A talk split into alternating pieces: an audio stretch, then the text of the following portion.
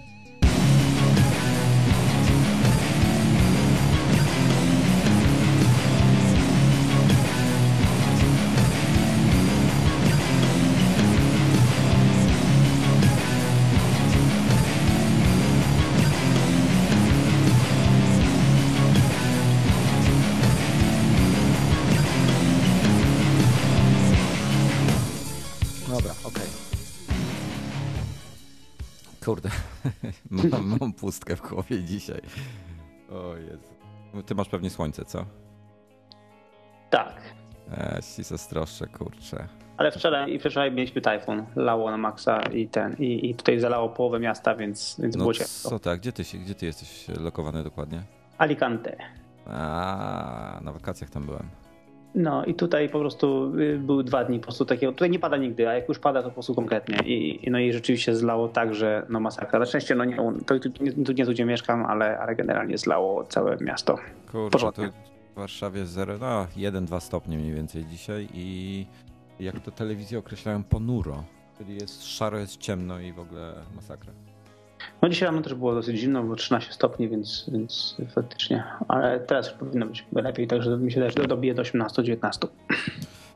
No dobra, witamy wszystkich w dzisiejszym odcinku. Jak już e, zapewne słyszycie, jest, mamy gościa, który będzie z nami rozmawiał o e, różnych sportowych odmianach e, Volkswagena Golfa.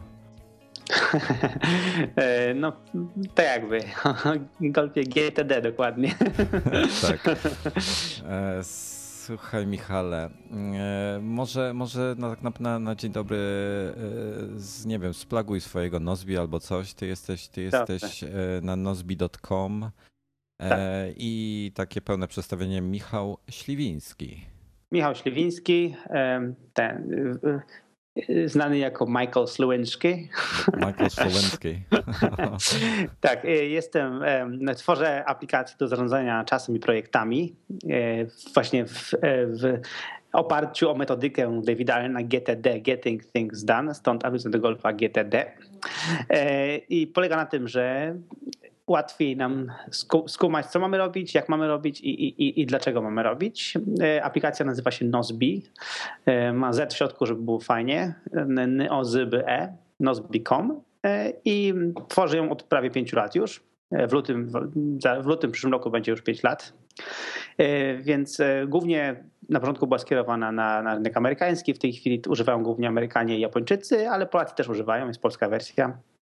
Także jak ktoś wejdzie na Nozbi.com, to się nie wystraszy. Po polsku też jest. A powiedz mi, e, znaczy macie, macie osobną aplikację na polski, czy po prostu z, zlokalizowana jest? Znaczy zlokalizowaliśmy po prostu. Zlokalizowaliśmy, mamy No, 8 bardzo języków, także zlokalizowaliśmy do, jest po polsku, po hiszpańsku, po niemiecku, po francusku, e, no i właśnie po angielsku i japońsku. Także mamy w kilku językach ładnie. A oprócz tego jeszcze wydaję magazyn e, na iPada też, darmowy Productive Magazine o produktywności, dlatego że to cała działka produktywności, zarządzania czasem to jest taka moja, taki mój konik, taka moja pasja. E, no i w tym magazynie zapraszam ciekawe osoby, które potem opowiadają o swoich rzeczach, co robią, numer 10 ostatni, który wydaliśmy właśnie jest e, z Sethem Godinem, e, właśnie wywiad, który z nim zrobiłem. Także e, magazynik plus, plus ta aplikacja Nozbi to są dwie rzeczy, które w tej chwili, którymi w tej chwili się zajmuję i które mnie kręcą i które są moim całym w tej chwili życiem zawodowym. No to powiem tak, no dla mnie GTD opiera się na mailu, czyli, czyli e, staram się zawsze osiągać inbox zero tak zwane, więc e, jak coś jest skończone, to z inboxu wędruje do jakiegoś neokatalogu. Niestety od dawna mi się to już nie udaje. Druga rzecz to jest, to jest korzystam z Wunderlista akurat, więc mam na, na, na iPhone'ie, mam na Macu. Mhm. I trzecia moja organizacyjne, moje organizacyjne narzędzie to jest Reader po prostu tematy ciekawe i tak dalej gwiazdkuję sobie i jak kończę z nim, no to, no to gwiazdkę usuwam. E, więc e, to jest bardzo, powiedzmy, proste, myślę, podejście do tego. I Twoja aplikacja jest znacznie bardziej rozbudowana z tego, co widziałem i przede wszystkim wspiera, wspiera mm, e, tak zwany teamwork, tak? Czyli, czyli jakieś tak. grupowe. Tak, tak. tak. Tutaj właśnie e, ta, moja aplikacja jest bardziej rozbudowana też z tego tytułu, że to jest jakby takie moje osobiste wdrożenie tego Getting Things Done, tej metodyki Getting Things Done. Zrobiłem to dlatego, że jak przeczytałem książkę, to mnie strasznie zainspirowała, spodobała mi się, a jestem osobą z natury mało zorganizowaną, więc stwierdziłem, ok, czas się zorganizować. I dlatego napisałem Nozbiego. Najpierw napisałem Nozbiego dla siebie e, i to był taki, taka, taka bardzo brzydka aplikacja, która chodziła tylko na, u mnie na moim lokalnym serwerze Apache na moim laptopie i, i używałem tego przez dwa lata. I dopiero po dwóch latach odważyłem się to pokazać w ogóle światu. A to już aż dwa lata były, to długo bardzo. Tak, ja napisałem pierwszą wersję Nozbiego napisałem w 2005 roku i napisałem ją właśnie taką bardzo prostą. Chodziło tylko o to, żeby ogarnąć dwie sprawy wtedy, potem trzy. Y, po pierwsze projekty, czyli podzielić zadania na projekty, co generalnie jest proste i co większość aplikacji nawet wtedy miała tego typu rzeczy, ale kluczową sprawą było w tych projektach, jak sobie generowałem te, te moje taski, zadania, znaleźć gwiazdki, czyli odgwiazdkować sobie te zdania, które są w tej chwili do zrobienia, tak zwane next actions, czyli następne akcje do zrobienia. I to było, i to, było to, że chciałem po prostu, żeby codziennie widzieć tylko tą listę tych zadań po prostu next actions, a nie wszystkich zadań, które mam w ogóle do zrobienia. Żeby tak nie czuć się takim, wiesz, przytłumionym tym wszystkim, mm, tymi wszystkimi rzeczami. Więc e, to były to moje pierwsze koncepcje, moja pierwsza koncepcja. E, potem rozbudowałem to od konteksty, czyli właśnie to, gdzie się te zadania wykonuje, na przykład właśnie czy, czy telefon, czy, czy komputer, czy biuro, czy zakupy, tego typu rzeczy. No i stopniowo, wiadomo, aplikacja się rozbudowała. Jak ją uruchomiłem, to tym bardziej się rozbudowała, bo, bo wiadomo, były też wymagania użytkowników, ale zawsze skupiałem się na tym, żeby w miarę była prosta, ale jednak skomplikowana w sensie to, co ona robi. Prosta w miarę w obsłudze, ale skomplikowana w miarę w, w tym, co, w tym co, co potrafi, potrafi zrobić. Także, mm, no i próbujemy ten balans zawsze jakby tam y, znaleźć. No a szczególnie w pracy zespołowej, no to po prostu mail nie działa. Nie? Po prostu jakby mail naprawdę mi nie, nie, przynajmniej mamy w tej chwili 9 osób i w tym momencie dopiero skumałem, że mail nie działa. Jeszcze przy trzech osobach to tam się udało to mailem opanować, ale przy dziewięciu osobach to po prostu już nie było szans. I... Co, mail jest strasznym zabieraczem czasu, tak dla mnie przynajmniej. Jak ja, ja, jak ja widzę, ile ja dziennie tracę godzin na to, żeby przeczytać maile, odpowiedzieć na nie. E, często jestem tylko w kopii w tym mailu. Mm, to to jest z pewnych powodów konieczne w niektórych sytuacjach, bo współpracujesz powiedzmy z różnymi firmami i tak dalej tak. i no, trzeba się z nimi jakoś komunikować, a, a, nie ma standardu de facto, tak? No właśnie nie ma, nie ma. I problem jest taki, że z mailem jest tak, wiesz, kogoś tam nagle nie dodasz, nie, nie dodasz na CC, nagle ktoś tam nie, czegoś nie dostanie kopii, nie, czegoś coś tam nie zauważy. Są ludzie, którzy są właśnie lepsi w mailu, czy byli rzeczywiście pilnują tego inbox zero, są ludzie, którzy nie są lepsi i po prostu mm, co chwila deklarują bankructwo mailowe i wtedy w ogóle nawet nie czytają tych maili. I to okazuje się wtedy, że naprawdę, naprawdę trudno jest się z ludźmi dogadać i pewne rzeczy załatwić. Więc na przykład u mnie w firmie właśnie jest nas 9 osób i ja zabroniłem ludziom mailowania do mnie. Tu komunikujemy się tylko i wyłącznie przez projekty, które dzielimy, dzielimy w Nozbim. Dlatego, o, że u nas, u nas, Bo u nas zadania można komentować, możesz komentować zadanie. Więc dzięki temu, jeżeli dodasz zadanie do kogoś i, i komuś wydelegujesz, to możesz z nim komentować potem i, i ustalić, doprecyzować, co masz zrobić. Ale dzięki temu, ja, który też jestem w tym projekcie, widzę, co się dzieje, widzę, o czym gadają. Jeżeli coś mnie interesuje bardziej, to nawet sam skomentuję, a jeżeli nie, no to po prostu generalnie tylko patrzę, co się dzieje. Ale tak to każdy wie, o co chodzi, każdy wie, co jest grane i wie, nad czym inny, inna osoba pracuje. Więc dzięki temu mówiłem, słuchajcie, a szczególnie dla nowych osób w firmie, którzy na przykład wcześniej nie używali Nozbiego, to też mówię, słuchajcie, od razu pracujemy tylko nad Nozbiem, także musisz szybko się nauczyć, bo e, mailowo to nie ma szans, po prostu byśmy byli zgubieni. Ja, ja ostatnio ciekawą, e, ciekawą koncepcję, hmm, chyba jeden z redaktorów TechCruncha, ale nie pamiętam w tej chwili, zastosował ciekawą taktykę. E, jeżeli jest w CC, to ten mail ma, ma regułę po prostu, że ten mail od razu trafia do kosza automatycznie. Dokładnie. I bo mówi, że jeżeli to będzie coś istotnego, że on musi odpowiedzieć, to ktoś po prostu do niego, nie wiem, skontaktuje się z nim um, osobno. On po prostu dostaje setki, e, jeśli nie tysiące maili dziennie. On nie jest w stanie tego ogarnąć, by siedział inaczej cały dzień i mailował, nic więcej nie robił. No ja właśnie dostawałem mnóstwo CC. Dostawałem właśnie, jak zaczęliśmy pracować większą grupą, dostawałem mnóstwo CC, no bo wiadomo, bo chciałem też tam mieć TCC, bo chciałem wiedzieć, co się dzieje w firmie. Ale potem stwierdziłem, miejka, to jest jakieś bez sensu, to jest w ogóle jakaś głupota, więc potem powiedziałem, nie, nie, pracuję przez Nozbiego. Ja dostaję regularne update'y, tam Nozbi wysyła co jakiś czas powiadomienia, nie jak Facebook co chwila, tylko e, co jakiś czas dostajesz powiadomienia, co mniej więcej się dzieje, takie podsumowanie tego, co się dzieje na ten, jakby w, w, w tych projektach, które dzielisz z ludźmi. Dzięki temu przejrzę tylko sobie takiego maila, od razu go archiwuję, ale wiem, co się dzieje, mam takie spojrzenie, y, mam, mam na to czas, to, to przyglądam, nie mam na to czasu, to potem, to potem sobie przejrzę, jak się zaloguje jedno z biego. Jakby nie mam tego, wiesz, tego, że muszę każdego maila, który dostaję w CC, przejrzeć, zobaczyć o co chodzi, bo jeszcze może ktoś tam coś do mnie chce, nie? Więc bez sensu. CC to też właśnie skończyłem z tym.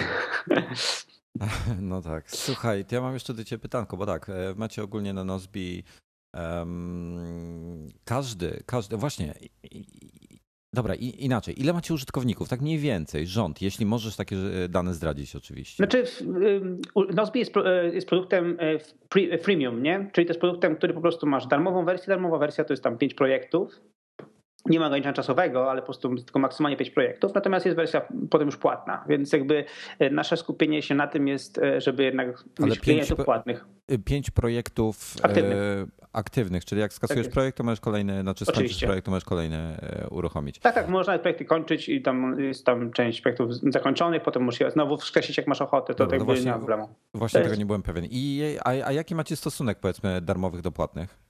Znaczy wiesz co, no, y, to, to, to, jest, to jest różnie, no ale mamy w totalu mamy, mamy ponad 100 tysięcy użytkowników w tej chwili.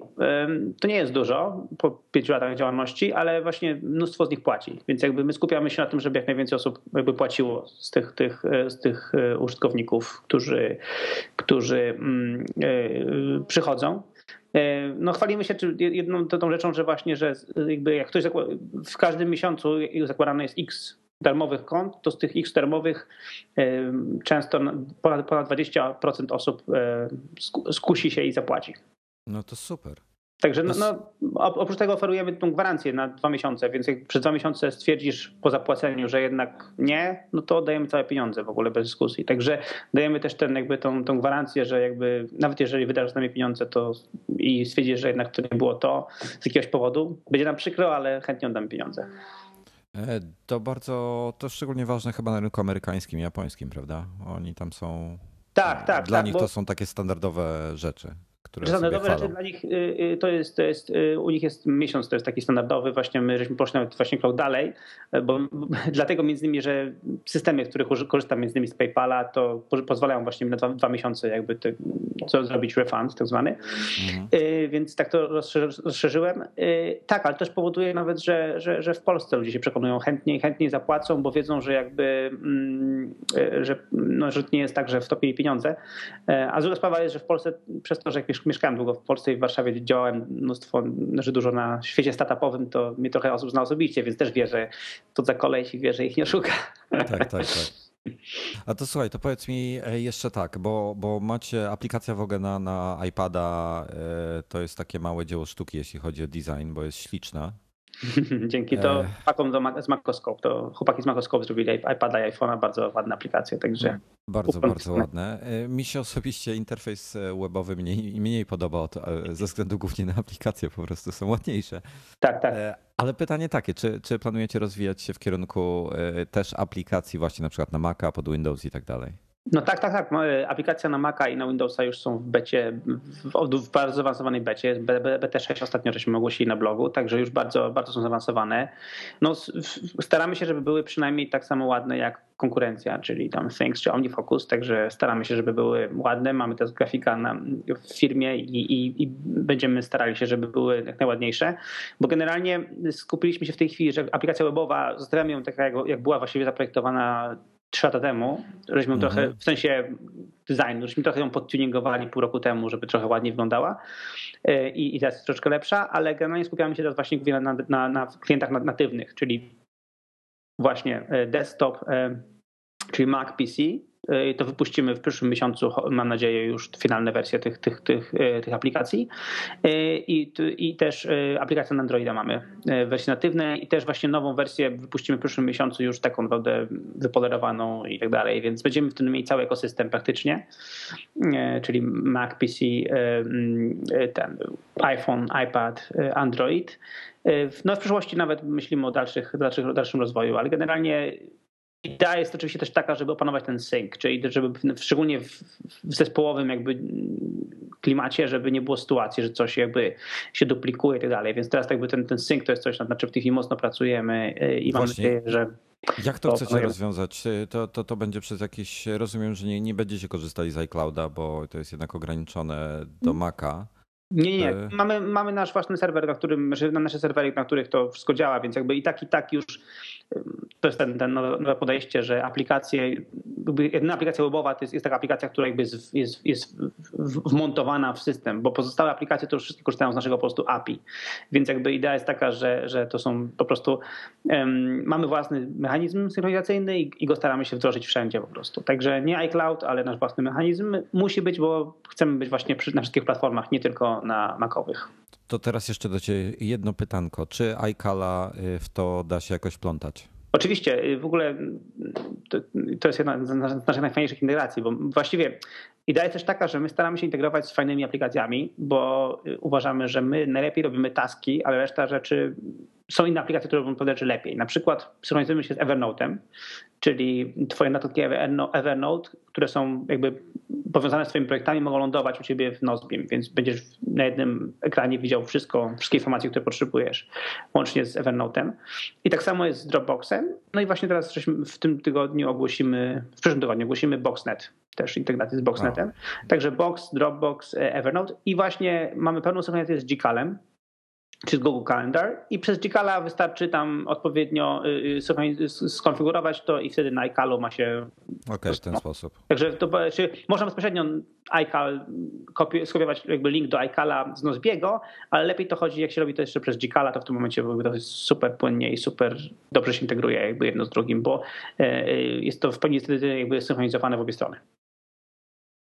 No dobrze, to słuchaj, to tak już teraz może mniej o, o, o no Nozbeam, a bardziej o GTD. W ogóle mm, tak, zauważyłem, że, że e, wiesz, dużo ludzi nie ogarnia swoich zadań, e, nie wie, nie, nie, nie wie, co ma zrobić, w jakiej kolejności i po prostu ten czas e, w pracy nie jest produktywnie spędzony.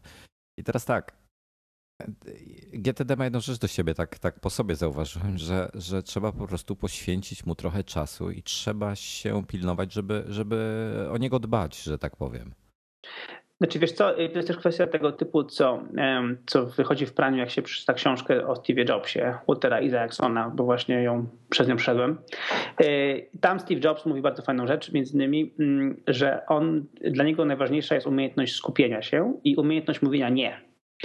I, i, i w, w, GTD e, trzeba poświęcić temu trochę czasu, bo trzeba pewne rzeczy po prostu posprzątać trzeba pewne decyzje, które, które się odwlekało, podjąć w końcu. Na przykład um, zająć się tym, że wszystkie jakieś tam nieodebrane stare maile, nieodebrane stare rzeczy, nieodebrane, trzeba raz usiąść na jeden dzień i to wszystko po prostu przez to tylko przejść. Stwierdzić, ok, ten mail nie odpowiadam, ten mail odpisuję teraz, ten mail mówię nie, ten mail mówię tak, e, ten, ten dokument wam do kosza, ten dokument niższy, ten dokument wrzucam do Evernote'a i sobie skanuję. To jakby zrobić porządek swoimi rzeczami i niestety potem, przynajmniej raz w tygodniu, albo powiedzmy tak, przynajmniej raz w miesiącu, najlepiej raz w tygodniu, sprawdzać, czy jakby te zaległości się nie nagromadziły i znowu je czyścić. Więc od tego jakby trzeba zacząć. Takie um, umiejętność i to, i to jest jakby, to jest um, jak to się mówi, to jest taki zwyczaj, który potem czego nabywa z czasem, że szybko potem podejmuje takie decyzje. Szybko wie, czy ten mail to zrobić to, ten dokument zrobić to. Człowiek szybko nabywa te, te, te umiejętności i dzięki temu ten system potem GTD y, trzyma się kupy. Jeżeli po prostu to, co przychodzi do nas, ten cały jakby, ten cały, ten cały input, który wpływa naszego inboxa, powiedzmy, e, jest, jest szybko przez nas e, przerabiany. E, no słuchaj, w ogóle, w ogóle w dzisiejszych czasach, jeśli chodzi o, o urządzenia typu i urządzenia, czyli mhm. iPhony, iPhony, iPady i tym podobne rzeczy, dotyczy to pewnie też, też tabletów innych marek, no to oczywiście mamy E, tych źródeł powiadomień mnóstwo. Mamy maile, mamy Twittera, mamy Facebooka, mamy mnóstwo innych po prostu różnych tych e, rzeczy. Powiedz mi, powiedz mi jak ty rozwiązujesz e, prywatnie nawet, jak ty się skupiasz na, na danym zadaniu? Bo tak, tak, kiedyś o tym pisałem zresztą, po prostu wszystko zaczyna w domu pipczeć, trzaskać, powiadamiać. E, i zaczyna się robić dramat. Ja na przykład maile, maile odkładam sobie, czekam aż mi się ich tam kilka nazbiera. Widzę tylko na ikonce, że tam um, no, numerki rosną. Właśnie. No właśnie i to już jest jakby pierwsza, pierwsza sprawa, którą ja, której ja, którą wyłączyłem, znaczy wyłączyłem tą ikonkę. Um, na przykład ja e, robię coś takiego, że w ogóle o tym pisałem do iMagazine, bo właśnie oprócz tego, że mam te rzeczy, które robię, to jeszcze piszę właśnie do iMagazine, także polecam moje felietony. To właśnie pisałem o tym, że mm, dużo powiadomień niestety trzeba aktywnie wyłączać i trzeba aktywnie po prostu wyłączyć, bo jesteśmy tylko ludźmi i po prostu jesteśmy kuszeni ze wszystkich stron, tak jak mówisz.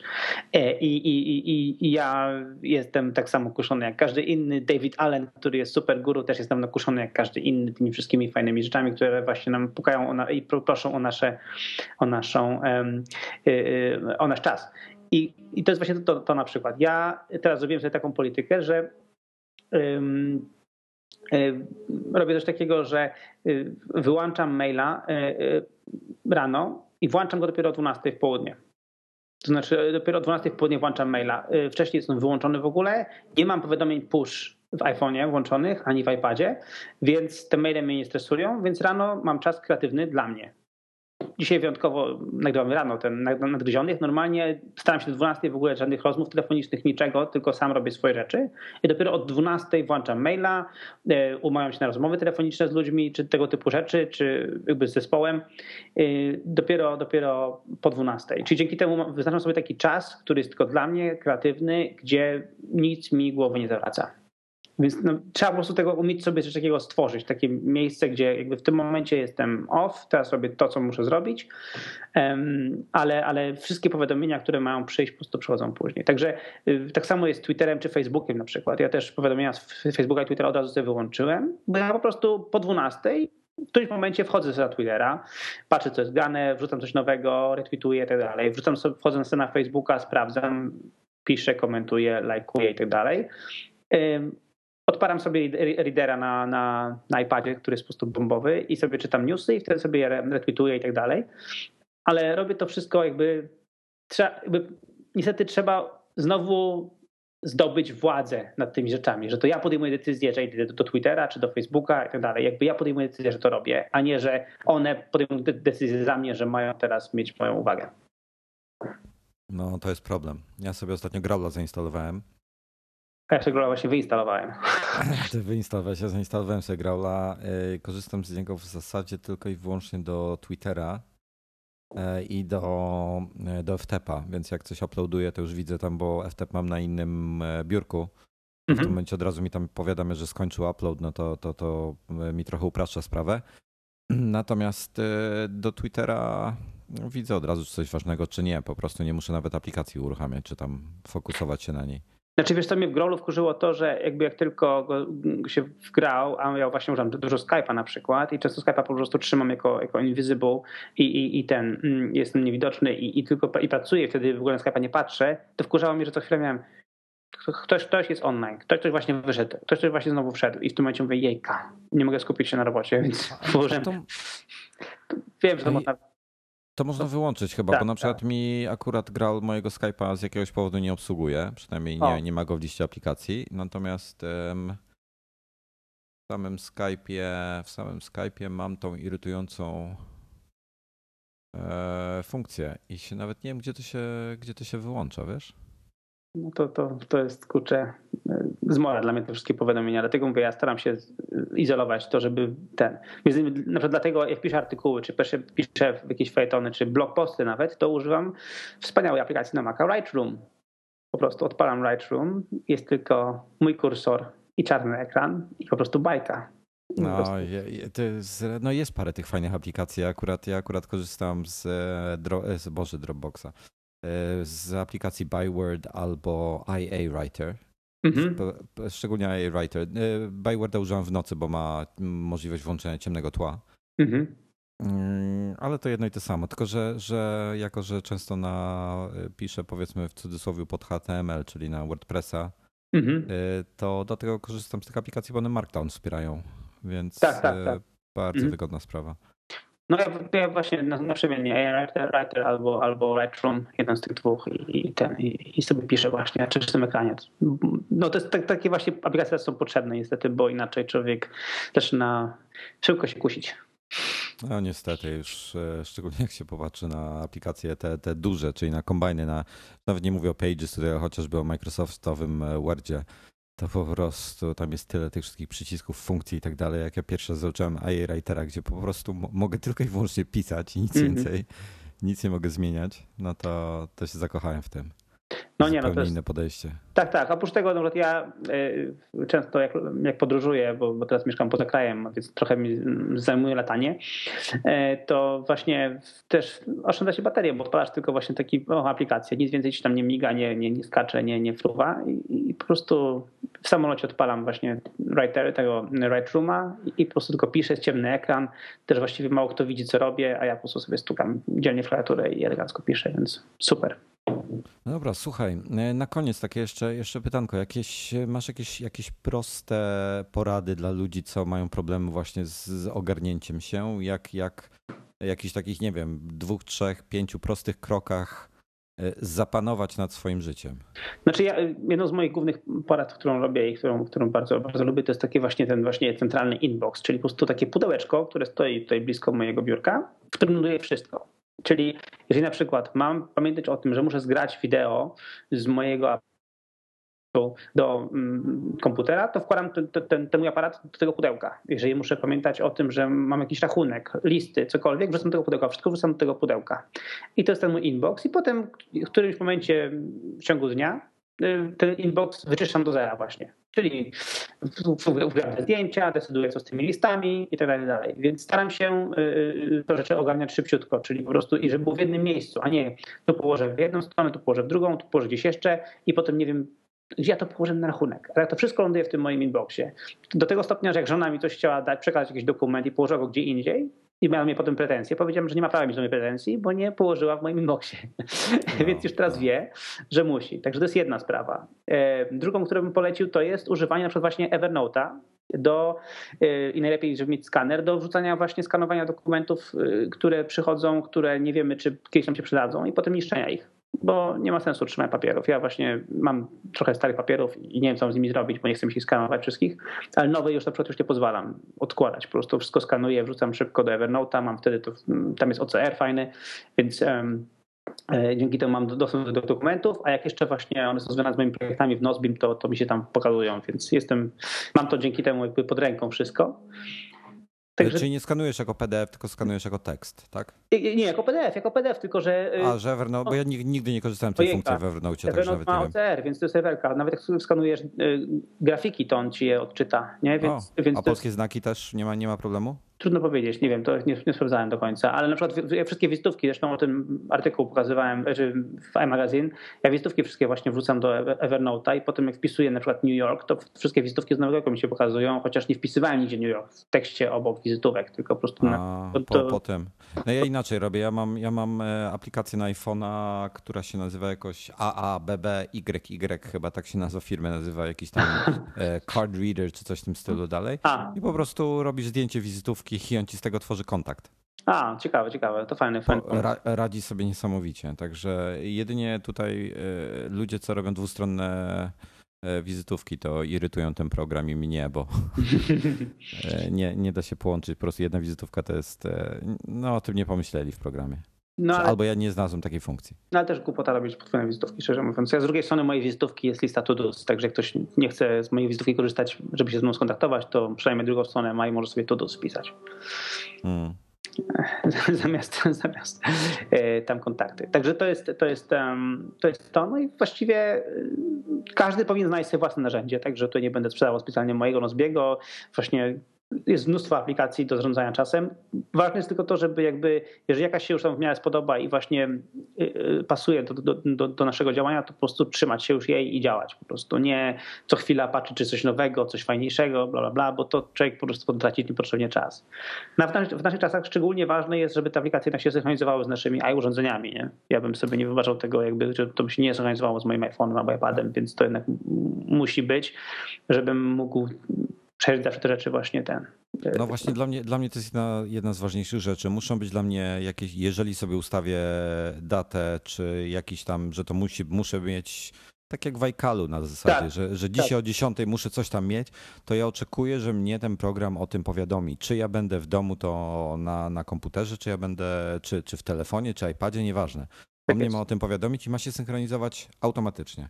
Dokładnie, e, dokładnie. Ja nie chcę o tym myśleć, bo bo kurde, jest tyle rzeczy, które musimy zrobić i jeszcze zastanawiać się i pilnować tego typu bzdur, to już według mnie jest bez sensu. Dlatego właśnie na bardzo lubię readera do czytania RSS-ów po prostu, rewelacja. Dokładnie. Po prostu mam go na Macu, na iPadzie, na iPhone'ie i po prostu cokolwiek podniosę, to wiem, że mam, mam, mamy nowszą wersję moich artykułów, których nie przeczytałem, przeczytałem, więc jakby wiem dokładnie, że mogę dalej czytać i to jest ekstra.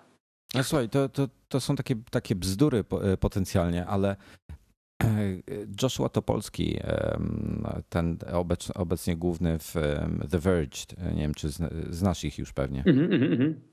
To on kiedyś napisał świetny artykuł o czymś, co nazwał The Continuous Client, czyli, czyli jakby klient ciągły. Tak. Chodziło mu właśnie o to, że, że tam podawał różne przykłady, chociażby na, na przykładzie Twittera, że na przykład skroluje sobie E, na komputerze do pewnego miejsca, przeczytałem te tweety i teraz wychodzę z domu, biorę iPhone'a do ręki i powinienem móc w tym samym miejscu kontynuować. Tak jest. I tego u nas brakuje, kurczę. Ja się dziwię, że taka firma, no Twitter jest gigantyczny przecież. Tak. Czemu oni tego jeszcze nie wprowadzili? Mają te swoje aplikacje, mają, mają ludzi, którzy to mogą, mogliby wprowadzić. Można to wprowadzić.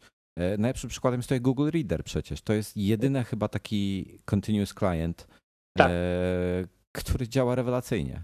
No i jeszcze właśnie to, jak się ma aplikację Reader, to jeszcze dodatkowo to jest po prostu mega sprawa. Ja e, mojej żonie, moja żona nie, jakby nie wiedziała, co są RSS-y, czytała wiadomości, wchodząc na jakieś portale, pokazałem jej e, Google Readera, po czym ściągnąłem jej na, jej na, na, na, na jej iPhone'ie Readera aplikację, to po prostu ona w tej chwili tylko w tym siedzi. Jest, jest... No ja, ja, tak samo, ja mam Readera, wiesz, niezależnie gdzie jestem, czy mam iPada ze sobą, czy mam iPhone'a, czy tak. jestem przy komputerze, to zawsze mam, nawet jak nie Readera, to mogę się zalogować na, na Google'owego. Mogę tak się jest. zalogować poprzez jeszcze inną aplikację i mm -hmm. zawsze będę miał wszystko, wiesz, uaktualnione i to jest piękna rzecz. Dokładnie. Tylko dokładnie. I o ile Google za Googlem nie przepadam jako takim e, z mm. paru względów, to, to to jest u nich pięknie zrobione. Ten Google Reader po prostu jest genialny. Tak, tak. No teraz się śmiałem ostatnio, bo rozmawiałem też z, z firmami konkurentami, bo, bo, tych aplikacji jest mnóstwo i e, my się z konkurentami wbrew pozorom bardzo lubimy. Każdy ma trochę inną wizję jakby tego zarządzania czasem i to dzięki temu powoduje, że mamy różnych klientów i to jest właśnie fajne, ale mamy właśnie pomysł ostatnio ostatnio, żeby spróbować e, przewalczyć, będziemy próbowali przewalczyć, żeby stworzyć standard na przykład tasków. Jest standard iCala, jest standard po prostu jakby kalendarzy, to czemu nie ma standardu tasków na przykład, nie? I no, w tym momencie no. to była rewelacja, bo w tym momencie jest ten, ten sam standard i teraz yy, tylko kwestia klientów. Tak? Wolisz bardziej styl Nozbiego, używasz Nozbiego. Wolisz bardziej styl Wunderlista, używasz Wunderlista. Ale ciągle masz te same taski na przykład w tym samym standardzie. I no, to by była tak, rewelka. Je, jeżeli wy się dogadacie w tej sprawie, to szacunek, bo to będzie coś dużego. No, jest, właśnie próbuję, próbuję to przewalczyć, także tutaj właśnie ostatnio z kolegą jednym z, z, z, z, z Seattle, gościu były Microsoftowiec, to on właśnie wbrew pozorom właśnie był na to bardzo otwarty i właśnie też chciałbym, żebyśmy razem pojechali do, z Googlem, zaczęli o tym gadać, po prostu, żeby ustalić jeden z temat. Uważam, że gdybyśmy to już przewalczyli, to poba. No ja właśnie, to, to, to była też poniekąd, to, to, to, ten problem się przejawia w innych dziedzinach też, chociażby e, ze znajomym ostatnio rozmawialiśmy o telewizorach. On mówi, czemu te telewizory, te, te odtwarzacze DVD, e, jakieś tam inne, czemu to wszystko nie ma jakiegoś zunifikowanego menu, gdzie to współpracuje ze sobą?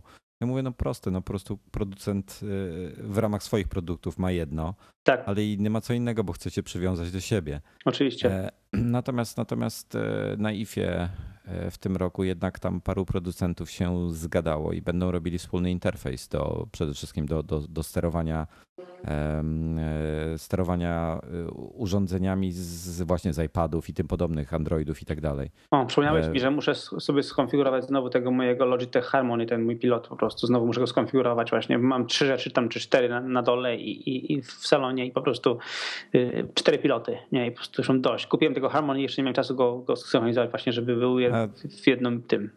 Ja też mam Harmony i, i tak jak go ustawiłem, o Boże, już bardzo dawno temu, E, to tak został. I tak no, po prawdzie powinienem tam trochę pozmieniać w tej chwili, ale, ale nie mam siły, bo ta aplikacja.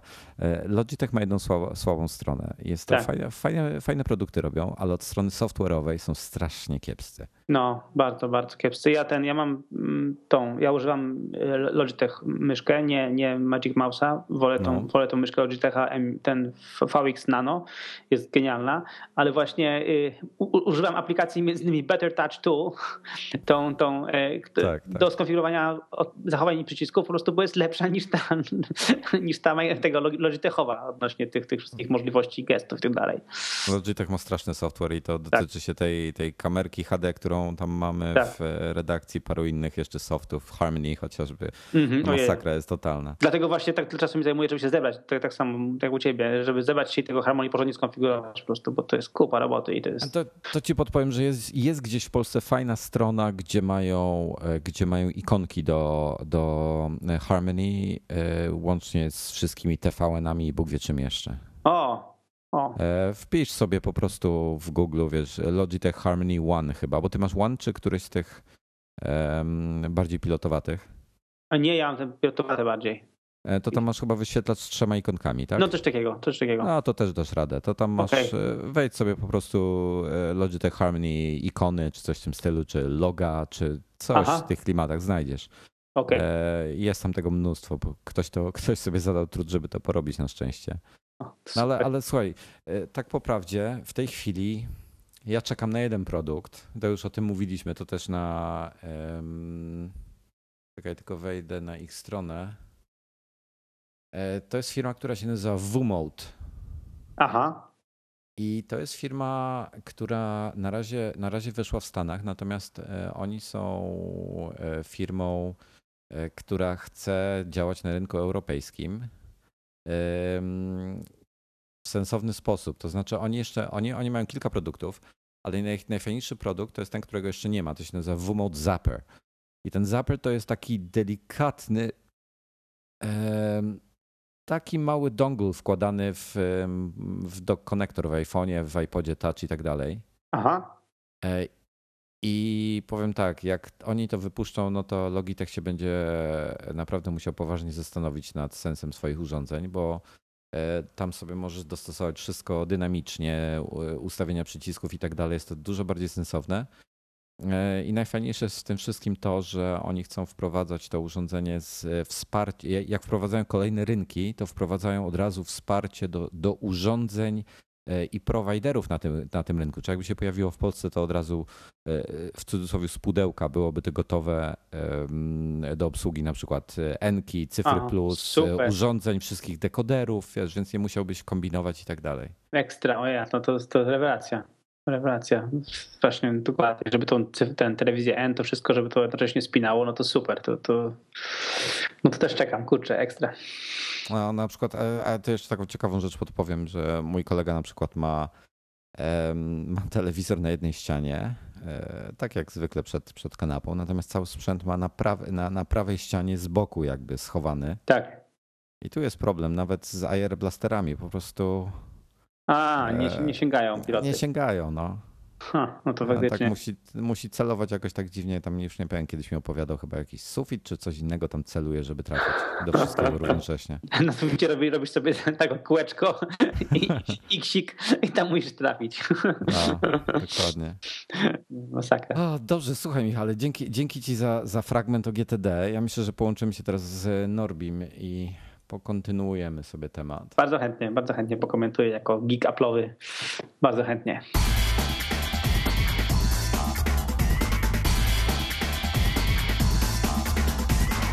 Dzień dobry. Cześć. Cześć Norbi, poduszeczka podłożona? Podłużona. Zajebiście. Mikrofon dobrze, dobrze mi słychać? No.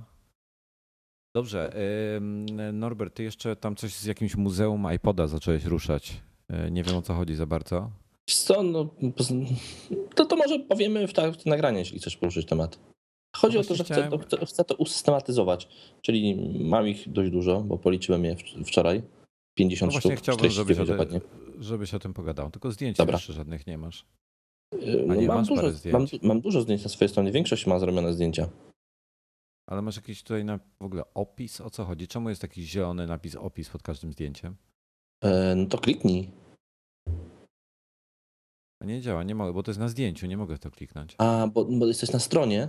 Ja jestem na Facebooku, na... na, Okej, na, na... Nie, bo, bo na razie na Facebooku to jest tylko zaślepka. Zrobiłem to po to, żeby, żeby wiesz, żeby. żeby A, bo czekaj, tu jest iPod, tam przy- info, info i tak. muzeum. Dobrze, Dokładnie teraz tak. widzę, okej. Chcę to zrobić Ja na Facebooka. pierdzielę, ile ty tego masz. Ale tu nie, tu nie, ma, nie, nie, ma, nie ma wszystkich zrobionych zdjęć. Brakuje tutaj z, Eee. z 10. Mich, Michał, zobacz, co linka ci wkleiłem. Mhm. Jesteś świrem normalnie. Brakuje to więcej niż 10, bo mam ich, ich łącznie 40 chyba 9 teraz. No ty masz nasrane jednak w głowie. W tym brakuje mi To- tylko jednego czerwonego. Mam już wszystkie czerwone oprócz jednego. Którego ci brakuje? Piątej generacji nano, ale już mam go namierzonego. Kupiłem drugą generację nano, który, no, które najciężej było czerwoną, więc Ty, ty masz te wszystkie urządzenia, masz te wszystkie iPody? tak Fizycznie i w ogóle. Tak, oczywiście, stoją na półeczce w moim pokoju, wszystkie, każdy z nich działa. Jaka masakra. Wow, szacun. Każdy z nich No. działa, nawet pierwsza i druga generacja działają. No niesamowite. Ten YouTube jest fajny, bo to jeszcze ten pierwszy YouTube chyba, prawda? Pierwszy, YouTube- pierwszy YouTube, który był. Jejka, niezły, niezły. Jest tam, jest tam kilka białych kruków. Druga generacja jest białym krukiem, bo pierwszej generacji wyszło bardzo dużo, a drugiej generacji wyszło bardzo mało. A bo on miał te przyciski u góry, miał bezsensownie zrobione, nie? Ta druga generacja, nie, to trzecia generacja miała u góry. A, I trzecia generacja to była śmiesznie, bo te przyciski, nie, że były zrobione u góry, to są podświetlone do dołu. Jedyny iPod, który miał podświetlone przyciski. ale klimat. Pierwsza i druga pierwsza generacja miała, do, miała kółeczko takie, które się kręciło fizycznie. Nie było dotykowe, tylko fizycznie się kręciło i, i przyciski były dookoła tego kółeczka. Druga Aha. generacja miała tak samo przyciski dookoła kółeczka, ale już kółeczko było dotykowe. A, A trzecia generacja miała kółeczko dotykowe, a przyciski były pod, pod, do, u góry. I dopiero potem wszedł iPod mini, który miał klikalne kółeczko. Pierwszy iPod z klikalnym kółeczkiem. a, no tak, tak. Jest tam kilka białych kruków w tej mojej kolekcji. Typu na przykład stalowy, y, wersja stalowa nano y, shuffle y, trzeciej generacji. No masz ją, ona jest tutaj na zdjęciu, tak? Tak jest na zdjęciu. Ona, nie widać tego. Nie, Są dwie. Tak. Jedna jest chromowana, druga stalowa, tak, tak? tak. I ta stalowa była tylko sprzedawana w Apple Store'ach, bardzo krótka seria. A, faktycznie, to był taki special tam edition, coś tam, coś tam. Tak, tak, tak. No, I ona było- jest, dużo, ona jest dużo cięższa, zrobiona ze stali, nierdzewnej, taka fajna.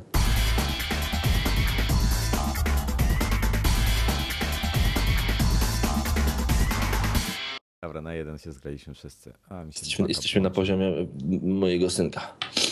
Mhm. Znaczy, No tak. czy on nie liczy sam, ale, ale, ale, mów, ale pokazuje. Jeden, dwa, trzy, cztery. No to ładnie, ładnie. Kurde, już go dawno nie A widziałem. widziałeś, jak odblokowuje iPada? Nie, właśnie nie. Widziałem, że wrzuciłeś film, a nie, nie obejrzałem go. Jak, jak sobie z tym radzi? Klika przycisk Home, włącza go, paluszkiem trafia, nieważne jak jest obrócony iPad, w którym miejscu jest na slide to unlock, klika na slide to unlock, bierze pych, odblokowuje.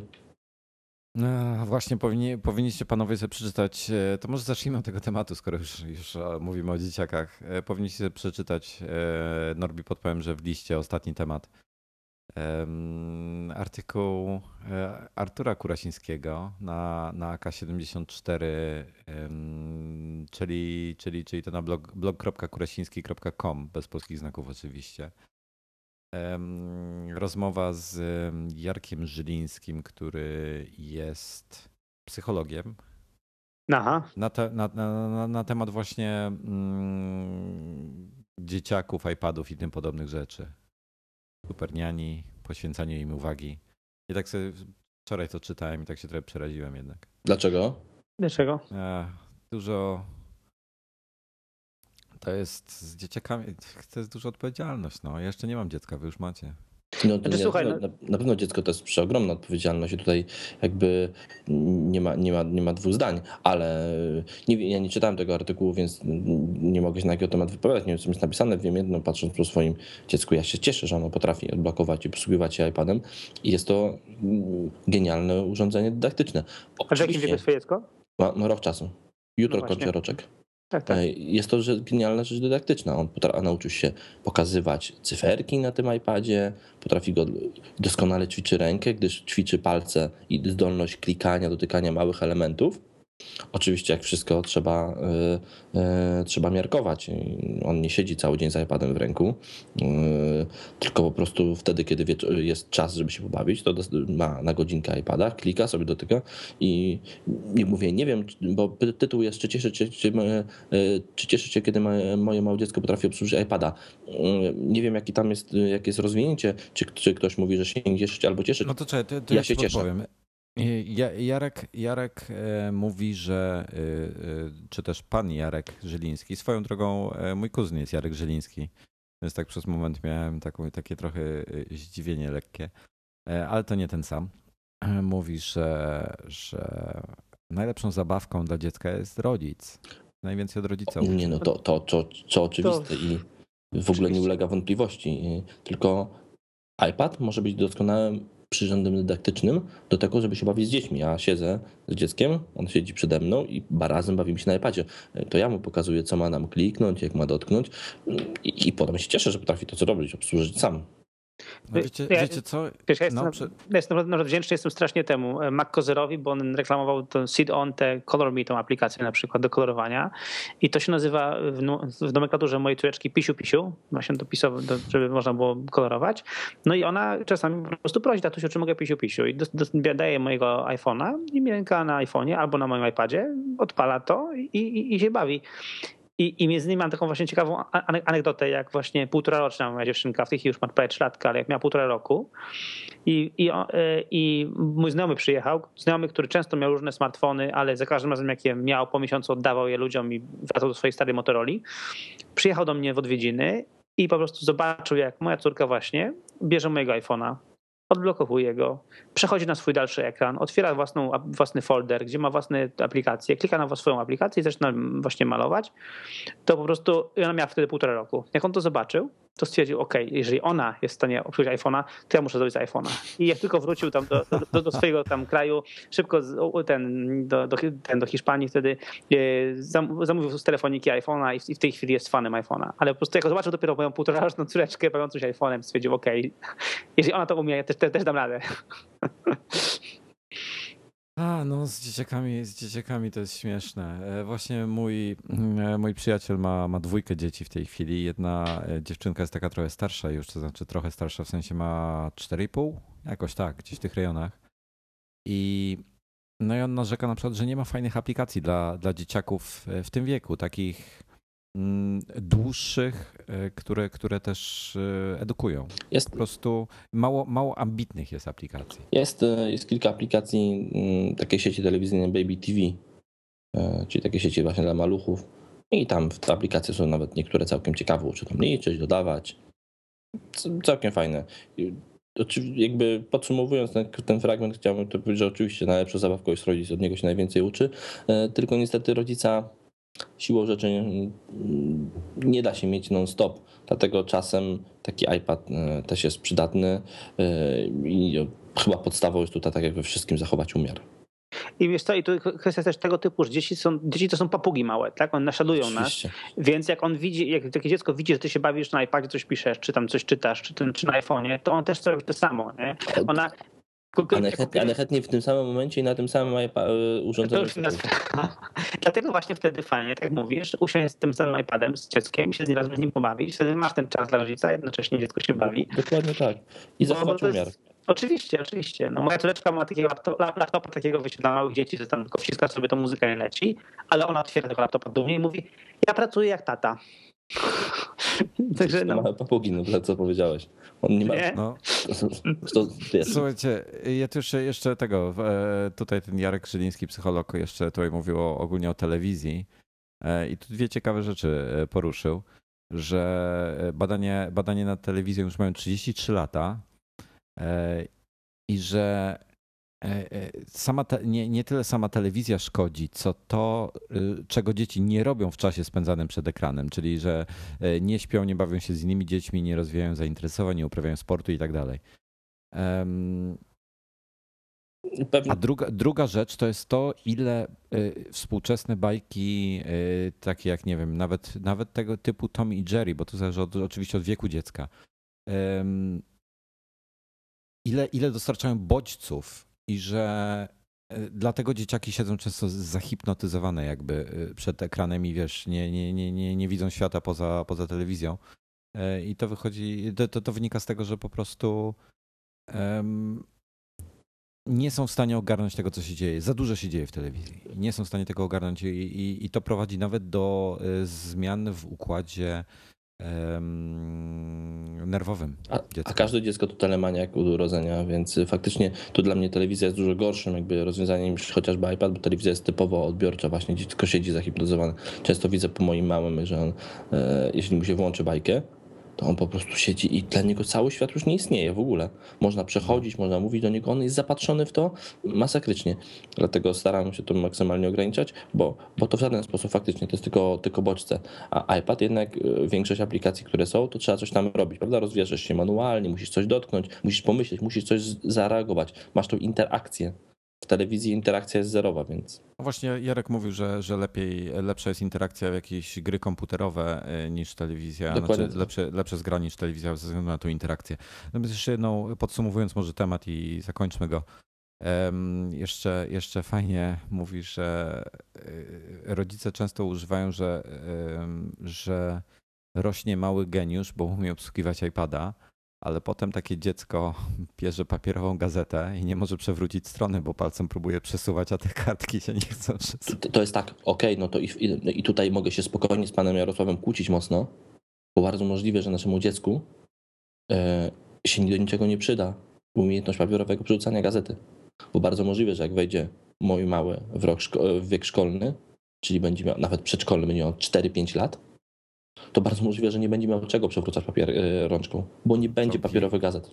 Jest, tak, jest, taka możliwość. Dlatego to, dlatego, to wam podpowiem. Dlatego to jest, wiesz, to jest takie wróżenie z fusów. Podpowiem wam świetne zdjęcie, które widziałem na fejsie, zrobiło swoją rundę jakiś czas temu, pewnie wszędzie, po całym internecie. E, był, było na, na, na, na zdjęciu był ołówek i kaseta. E, kaseta magnetofonowa oczywiście.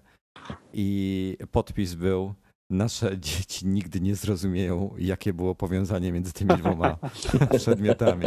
I bardzo dobrze. No i nigdy nie zrozumieją i to, i to jest prawda. Tak samo pewnie, pewnie wiesz, istnieje takie problem, że, że, że gazety papierowe będą wyglądały w muzeum, no i tyle. No, no właśnie, właśnie a propos jeszcze tego telefonu komórkowego tego mojego kolegi, to właśnie on używał taką Motorola, ma taką Motorola taką, wiecie, co, jak, jak klap, z, klap, z klapką, nie? Taką Aha, sta, jakiś starą. Razer albo Razer. Nie, starszy, starszy, starszy jeszcze. Taki stary, nie? I właśnie jak byłem z nim w Nowym Jorku i byliśmy w muzeum, w MOMie, Muzeum of Modern Art i on zobaczył swój telefon y, w muzeum, to stwierdził, że czas na zmianę. o Boże, no to, no to rzeczywiście. To, to porażka, to, to masz tak. No. To daje do myślenia. Tak jest. A słuchajcie, to, to a propos telefonów i, i, i e, sztuki, to w, em, fajny, fajny, fajny FotoJojo wypuścił fajny produkt, em, który się nazywa iPhone Lens Dial. Generalnie masz, masz taki element, który waży dwa razy tyle co iPhone. E, To jest e, obudowa pokrętło z trzema obiektywami, które można sobie zmieniać. Jest e, szeroki kąt, jest tele i jest rybie oko. Niezłe to jest. No, szkło, y, znaczy obiektywy są, są ponoć porządne. I no nie wiem, ciekawa rzecz, tylko kosztuje straszne pieniądze 250 dolarów.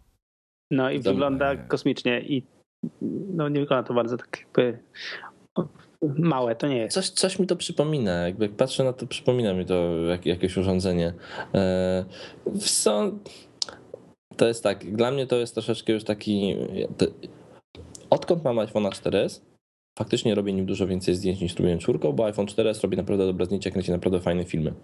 Ale jest to ciągle taka rzecz do robienia okazjonalnego moim zdaniem zdjęć, więc dodawanie czegoś takiego, jakichś obiektywów, tele, rybioko do tego, no to Dla, dla bardzo, już chyba, bardzo duża nisza moim zdaniem. Taka, znaczy bardzo duża, bardzo, ba, bardzo niszowa rzecz. Nie wróżę im e, tutaj e, ogromnej sprzedaży i, i prawdopodobnie nikogo nigdy w życiu nie zobaczę z takim urządzeniem w ręku. Numer 250 dolarów, to jak do tego do, doliczyć nasz VAT, to gdzieś tam pod 1000 zł wyjdzie po dzisiejszym kursie. Tak, no i znaczy wiesz co, no, a właśnie to jest to, że iPhone 4, ten 4S y, są świetne do robienia zdjęć, bo według mnie już zdjęcia są coraz, coraz lepsze, no ale wiadomo, to nie nastąpi, jeżeli ktoś jest fanem fotografii, ma porządną lustrzankę, no to to, to zupełnie inna liga ciągle jeszcze, nie? Więc ja, ja, ja czytałem właśnie fajne, fajny ostatni artykuł. Nie pamiętam, który z fotografów. mm, Nie jest taki super znany facet, ale, ale niemniej jednak coś tam w życiu osiągnął. E, Odkąd kupił 4S, to y, nawet zdecydował się parę y, płatnych jakichś zleceń zrobić za jego pomocą. To uważam już za przesadę trochę. Mhm. E, bo jednak robi to raczej bardziej jako eksperyment i trochę nie chciałbym być jego klientem, jak on by mi iPhone miał strzelać. Fakt, że używał y, full oświetlenie profesjonalne i tak dalej i fajne efekty miał. Ale mimo wszystko tak, y, to mi, znaczy mi to kompakt zastąpiło, tak, bo kompakt jednak ma swoje rozmiary, iPhone zawsze, iPhone zawsze ma w kieszeni. Tak. E, Więc y, iPhone mi zastąpił kompakt y, 4S już zdecydowanie, natomiast y, no jednak lustrzankę dalej mam i nie planuję się jej pozbywać. E, I nie planuję kupować takiego śmiesznego urządzenia, bo to chyba bez sensu. No, ja Po też. prostu. Dobra, e, Norbi, Hmm? e, ty jakieś lubisz takie gadżety jak te mikrofony teraz nowe. Tascam wypuścił coś fajnego. Tak, widziałem. Powiem tak, może to być fajne urządzenie. E, To wiesz, no pewnie trzeba było się przekonać, e, przekonać jakby na żywo, jak, jak to, jak, jaką ma to jakość. E, Z, jakby z założenia wygląda to bardzo fajnie. Ale fajnie, Eee. faktycznie to jest, wygląda gadżeciarsko, ciekawe jak będzie nagrywało. Wiesz co, coraz więcej widziałem e, reporterów korzysta z iPhone'ów jako, jako Ale, ale, urządzenia mają, na, tak, ale, ale często mają podpięte mikrofony zewnętrzne, właśnie różne. E, tak, tak, tak, tak, tak. I to różne, bo to takie podłączone do, do gniazdka słuchawek nawet, takie, Tak. no Philips chociażby takie robi. Em, Mamy gdzieś taki chyba, to całkiem sensownie nagrywa. E, Blue, Blue Microphone, Tak. czy któryś z tych, Ten- tych Ten, producentów też. Tascam jest dobrą firmą, więc, e, więc istnieje szansa, że będzie miał dobrą jakość. No wygląda bardzo, ma wbudowaną całą elektronikę Dokładnie w środku, tak. więc e, wzmacniasz i tak dalej, także to może być naprawdę fajne. Em, Także, także może, może komuś się przyda coś takiego. Ale kurczę, ciekawa informacja em, a propos, a propos iPada i tabletów ogólnie. E, Konkurencja się trochę wycofuje. E, Generalnie wygląda na to, że, że jedyne co ma szansę przetrwać na rynku to są, to są tablety, które mają to, tą całą, ten cały ekosystem, e, czyli jakieś multimedia, jakieś książki, tego typu rzeczy. I tak naprawdę w tej chwili na polu bitwy już niedługo zostanie iPad i Kindle, ten nowy Fire. No i ewentualnie Nook, tak, od, od Barnes Noble. Wiesz co, ja, ja myślę, że mm, jakby myślę, że pojawią się dobre tablety androidowe. Android jednak ma ten ekosystem już troszeczkę zbudowany, jest dużo aplikacji na Androida, jest dużo programistów piszących aplikacje pod Androida. i nie wydaje mi się, żeby Android znikł z tabletów. Ale słuchaj, no to, no to na Amazona, na, na Kindle Fire jest, jest y, Android, ale całkowicie zreskinowany, że tak powiem, brzydko. Ale, ale słuchaj, ale zobacz na, na całą konkurencję. Przecież te jakieś, jakieś śmieszne sumy tych wszystkich Motorola Zoom, e, e, tego Samsunga, jakąś Galaxy Tab. To, to. Znaczy wiesz, to problem jest taki, że y, jeżeli masz 500 dolarów, to, to czemu miałbyś nie kupić iPada, a kupić jakiegoś androidowego tableta? Po prostu jakby ja nie widzę tutaj jakby trudno, trzeba być, trzeba być maksymalnym anty-Applem, żeby stwierdzić, ok, kupię sobie tego, tego. No po prostu, bo iPad w tym momencie, oferta jego w ten cały ekosystem jest no, zdecydowanie lepszy to też, to niż to, co robi Android. Pewnie, pewnie trochę masz rację, ale ja lubię porównania samochodowe. E, jeżeli masz do wydania 70 tysięcy złotych, dlaczego nie kupić samochodu, który jest samochodem roku i najlepiej się sprzedaje? Dlaczego kupić jakiś inny, gorszy, brzydszy samochód, brzydszy, inaczej wyglądający samochód, mniej popularny? Dlatego, że ludzie lubią być indywidualistami. I znam dużo ludzi, którzy, kupi, którzy mówią, tablet, ten iPhone, znaczy tab, iPad, pewnie bym go kupił, bo mam ochotę na tablet. Poczekam, może coś innego, może kupię Sony, e, no bo ten iPad to wszyscy go mają. Ale, ale wiesz co, Norbi? E, Apple ma jedną rzecz jako jedyna firma komputerowa na świecie, której nikt inny nie ma i tutaj też do samochodów jest e, warto, warto się odwołać. Porsche, Ferrari, to są, to są samochody, które się kupuje sercem. To się e, nie tylko dlatego, że on, wiesz, fajnie wygląda, czy, czy jeździ. Ty, ty integrujesz się z tym samochodem na, na innych płaszczyznach niż tylko tym, że on jest drogi, tak? Ty kupujesz go na przykład dlatego, że ci się jego design podoba, że podoba ci się dźwięk tego samochodu, że podoba ci się polityka firmy, że e, każdy ma jakiś inny powód, tak? Że się świetnie prowadzi, że, że ma piękne wnętrze, nieważne, że ma napęd na tył, że ma napęd na cztery koła, nieważne. I Apple jest jedyną firmą, którą, którą ludzie kupują sercem i się jakoś wiążą z, z tymi produktami niż, e, niż tak, ludzie, co kupują, to, nie to... wiem, Fiata Panda, który jest e, urządzeniem, znaczy urządzeniem, no w tym momencie zgadzam, urządzeniem, które zgadzam się, przemieszcza ich z punktu A do B. Zgadzam się z tobą w 100%, ale Apple tak samo ma bardzo duży negatywny elektorat, czyli ludzi, którzy mówią, którzy z założenia z założenia nigdy nie kupią nic Apple. Poczytajcie sobie czasem komentarze na, w różnych serwisach, nietypowo Apple'owych, tylko w serwisach takich ogólnych informatycznych. Jeżeli coś się pojawia w Apple'u, od razu jest to shit, gówno, do niczego, jak zwykle Apple za drogo, niedobre. Apple ma ogromny, ogromny elektorat negatywny. So, Apple jest albo biała, albo szara, albo ktoś kocha Apple, albo ktoś bardzo nie lubi Apple. Mało jest ludzi, którzy, którzy są tacy, tacy obojętni. Dlatego bardzo duża rzesza ludzi nie kupi iPada, tak, ale ta rzecz jest Tylko mała. dlatego, że jest. Nie, jest ogromna. Nie, tak, ale z punktu widzenia, mówię z punktu widzenia, nie, nie, nie, ja tu nie, ja nie chcę wejść w polemikę, czy ich jest tam ten, a chodzi to z punktu widzenia biznesowego.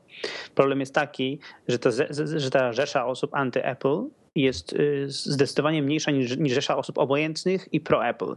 Bo iPada kupują obojętnie i pro-Apple. Problem jest taki, że obojętni i pro-Apple kupują iPada, negatywni kupują Dell, Dell Samsung, Sony, bla, bla, bla, bla, bla. I nagle ci, ci inni mają do podziału ten mały, ten, ten rynek, nawet jeżeli jest spory, to jest do, do podziału między wszystkich innych.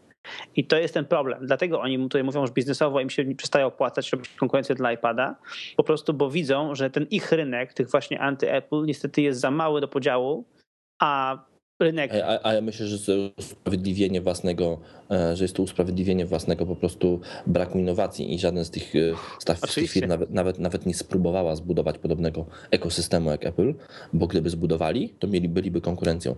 Ale faktycznie pewnie gdzieś tam sobie kalkulują, że się nie da.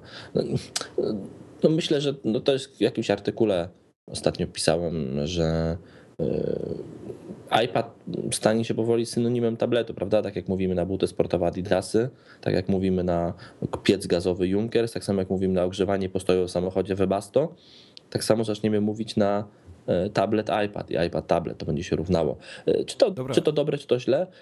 Mam nadzieję, że, że Apple nie będzie zasypywał gruszek w popiele i nie, nie zostanie na laurach tylko dlatego, że ma ogromną sprzedaż, tylko ciągle będą rozwijali to, to urządzenie. No słuchajcie, e, w Stanach e, w tym roku, w 2011, czyli trzy kwartały, sprzedano, e, nie licząc iPada, sprzedano 1,2 miliona tabletów. Biorąc pod uwagę, ile iPadów sprzedano, to jest, to jest nic. I co ciekawe, słuchajcie, niby mówi się, że naj, naj, największy konkurent iPada to jest Samsung Galaxy Tab. Ale nie jest. W Stanach on jest na drugim miejscu. Na, na trzecim de facto, bo Apple jest pierwszy, tak? Na drugim jest Hewlett Packard ze swoim tabletem, którego wycofało. No ale tylko no, są w drugim miejscu, że z, z sprzedali go za 100 Za dolarów, po 99 prostu, żeby się dolarów, pozbyć, tak. No to prawda, no ale, ale słuchajcie, jakie to są śmieszne kwoty. Potem jest Asus, potem jest e, z 10%, em, Motorola 9, Acer 9. Tak naprawdę e, te firmy się tłuką o maluteńki procent e, całego rynku. Myślę, że dużo się zmieni z początkiem roku przyszłego, czy tam z, czy to, czy tam z pierwszym i kwar, drugim kwartałem, jak pojawi się Windows 8 na rynku e, i pojawią się e, firmy, znaczy pojawią się tablety oparte o Windows 8. Widziałem dwa takie tablety, jak byłem ostatnio e, w, w, pewnej firmie, oni tam testują różne urządzenia, nie będę, przepraszam, mówił jakiej, oni testują różne urządzenia Microsoftowe, mają nowe nowości, których jeszcze nikt nie ma i bawimy się właśnie tabletem opartym o Windows 8. Robi wrażenie. Ale słuchaj, po, po co ci komputer oparty na Windows 8 w tablecie? No bo, no bo Microsoft jest jedyna firma chyba, która ma teraz, będzie miała zdolność zbudowania tego ekosystemu. Dużo aplikacji już dostępnych, bardzo dużo aplikacji napisanych będzie pod Windows 8. Ten Windows 8, nie wiem czego widziałeś, on przypomina bardzo dużo tak. Windows Phone 7. Ale jest jeden problem. Genialnie. Aplikacje, aplika chyba że coś się zmieniło przez ostatni miesiąc, odkąd, odkąd ostatnio czytałem. Aplikacje na Intela nie będą kompatybilne z ARMem. Prawdopodobnie nie będą kompatybilne z ARMem, ale rzesza deweloperów piszących aplikacje dla Microsoftu jest ogromna i myślę, że tutaj Microsoft ma szansę powalczyć troszeczkę ten rynek, ale oby tego nie pieprzył, tak jak to spieprzył już kupę różnych projektów. Znaczy, Boże, i czekaj, ja aż znajdę ten cytat, bo, bo, bo, bo bardzo mi się spodobał, aż go, aż go u siebie na bloga rzuciłem. Um, gdzie to był? Problem Microsoftu. O, i to, napi to napisał Maciek Gajewski. Um, i teraz tak, ale dopóki e, tutaj e, ode mnie dodane Microsoft nie wymyśli czegoś, by zmienić swój wizerunek, okienkowe tablety mogą skończyć podobnie co Windows Phone, jako bardzo fajne, udane produkty, których nikt już nie chce. Dokładnie tak, dlatego, dlatego mówię, że oby nie spieprzyli tego. Znaczy słuchajcie, to, to tak, tak, tak w biografii właśnie o Steve Jobsie, on, on potrafił poświęcić kanibalizację czy inne zyski dla zrobienia świetnych produktów. Natomiast Microsoft i cała ta reszta firm, ona, ona prowadzona jest przez ludzi, którzy są od, od sprzedaży i od, od rachunkowości. No to oni będą liczyli zawsze to, a nie świetny produkt. I dopóki to się nie zmieni i znowu nie będą coś ludzie od produktu, dopóki Steve Ballmer jest ciągle szefem Microsoftu, to ja nie wierzę w, duż, w dużą zmianę, bo oni mają potencjał. Microsoft jest świetną firmą, ale dopóki najważniejsza jest sprzedaż, sprzedaż, sprzedaż i pieniądze, no to w tym momencie produkt, który jest świetny, jest na drugim tym. No, słuchajcie, App Store to jest przykład świetny. App Store, żeśmy analizowali App Store, gdzie aplikację naszą wrzucić. No i wyszło na to, że żeby wrzucić aplikację do, do, do, tego, do, do, do marketu Windowsowego albo, albo, albo do Nokii, to to jest taki proces niesamowity. Nie wiem, prawie trzeba pójść, nie wiem, do, do sędziego i prosić o, o ten, o, o, o, zgodę i jeśli papierów wysłać, a, a, a Apple, w Apple płacisz 100 dolarów i pozamiatane. Jakby no to jest zupełnie inna, inna filozofia po prostu funkcjonowania. I to jest ten problem. No, ciekawy jestem, ciekawy jestem, czy oni coś zwojują, czy nie, bo ja po prostu obawiam się, że tak, że po pierwsze to będzie zbyt e, bateriożerne. Jakby nie patrzeć, iPad trzyma mi kilka dni. Powiem się, że taki tablet e, nie za bardzo. I pytanie, czy ja potrzebuję tam więcej niż mi iOS oferuje. Mm, także no zobaczymy, zobaczymy. Jestem bardzo ciekawy. Myślę, że, że będę chciał swoje łapki na coś takiego położyć, żeby, żeby zobaczyć, czym to się je. Znaczy ja, ja na pewno właśnie jeszcze a propos tego, co, co mówił Norbert odnośnie rozwijania iPada, no to ja chciałbym przejść do kolejnego tematu, czyli do tego Retina Display na iPadzie, bo to jest coś, co, na co chciałbym położyć moje łapki. Znaczy na High-Res Display na iPadzie, to będzie rewelacja, jeżeli to rzeczywiście będzie prawdą. A, jakiś, jakiś analityk potwierdził. Analitycy lubią wiele rzeczy potwierdzać. E, to są, to są ludzie, których mogłoby nie być. Mm, czasami jak, jak czytam niektóre te ich raporty, to mnie szlak trafia po prostu. Oczywiście. E, w każdym razie no, potwierdził ekran właśnie o, o czterokrotnie, czterokrotnie większej ilości pikseli. Ma mieć jakieś tam super rozwiązania, jakieś podwójne podświetlenie LEDowe i tak dalej. No nie wiem, zobaczymy. Norbert, nie wierzysz w to, prawda? Halo, halo. Halo, halo? No nie wierzysz tego, w tego iPada high-resowego, rozumiem, E, Dlaczego nie wierzę? Nie wierzę. że będzie w marcu, W marcu? No myślę, że będzie. No w marcu będzie nowy iPad. Ja wierzę. ale będzie, będzie już ten Retina? No coś muszą zmienić. Myślę, że będzie, myślę, że będzie Retina, ale będzie wyglądał dokładnie tak jak dwójka, czyli będzie to iPad dwójka o identycznym wyglądzie, ale z Retiną. Tak, ja tak, ja w to wierzę. No słuchaj, e, to słuchajcie, to jeszcze, jeszcze tam się kolejne plotki pojawiają, że jednak będzie mniejszy iPad w rejonie 8 cali. W to nie wierzę. Ja też nie. Ja też nie. Nie będą sobie. Mi też. Bo, bo dużo taniej go nie sprzedadzą, a e, nie będą sobie psuli jakby wszystkiego. To bez nie. Apple'o- to nie Apple'owe zupełnie. Nie, nie. To tak, jak, to tak jak od ilu lat mamy plotki na temat iP- iPhone'a na- nano, Tak. nie? To, No mamy, mamy de facto iPhone'a nano, czyli 3GS. ale to nie jest iPhone nano, nie? To jednak No, to, ale, ale tani iPhone, prosty, prostszy ekran, nie retina za złotówkę. Oczywiście, ale przynajmniej, ale, ale to ciągle jednak jest iPhone tych samych wymiarów. To nie jest iPhone nano, więc tutaj też samo iPad nano też nie widzę w tym momencie. Nie będzie. To, to dokładnie tak, to masz rację, to pokazuje doskonale to, co Apple zrobiło. Nie wypuściło żadnego tańszego innego iPhone'a, po prostu obniżyło cenę starego. Tak jest. No, Więc dokładnie. myślę, że to będzie tak samo. Będzie obniżona cena, zostanie iPad. Myślę, że zostanie iPad 2 w sprzedaży i pojawi się nowy iPad. Może iPad Tak. 2S.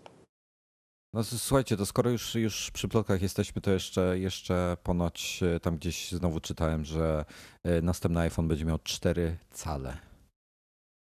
I nie wiem, co o tym sądzić. Jest te, te plotki o iPhone'ie 5 4-calowym z wyświetleniem 4 cale, no pojawiały się od dłuższego czasu. Czy jest w nich ziarnko prawdym? Ciężko Ciężko. prawda? Tutaj jakby, czy to jest tak, skądś, pam- pamiętacie te projekty takie obudów, Tak. które się pojawiły dziwnych? One, one pojawiły się w różnych miejscach, od różnych firm. E, Ja bym się nie zdziwił, gdyby to, to nie była zmyłka od Apple po prostu. Mogła to być zmyłka od Apple, albo mogło być w tym ziarnko prawdy. Kolejny iPhone będzie prawdopodobnie miał zmieniony design, więc myśl, może wystawią tam większy wyświetlacz. Choć z drugiej strony, tak myślę o tym zmienionym designie, mm, jak patrzę na to, jak Apple jest e, konsekwentne chociażby w designie komputerów, to cza- czasem w to nie wierzę, że, no, że kolejny iPhone będzie inaczej wyglądał.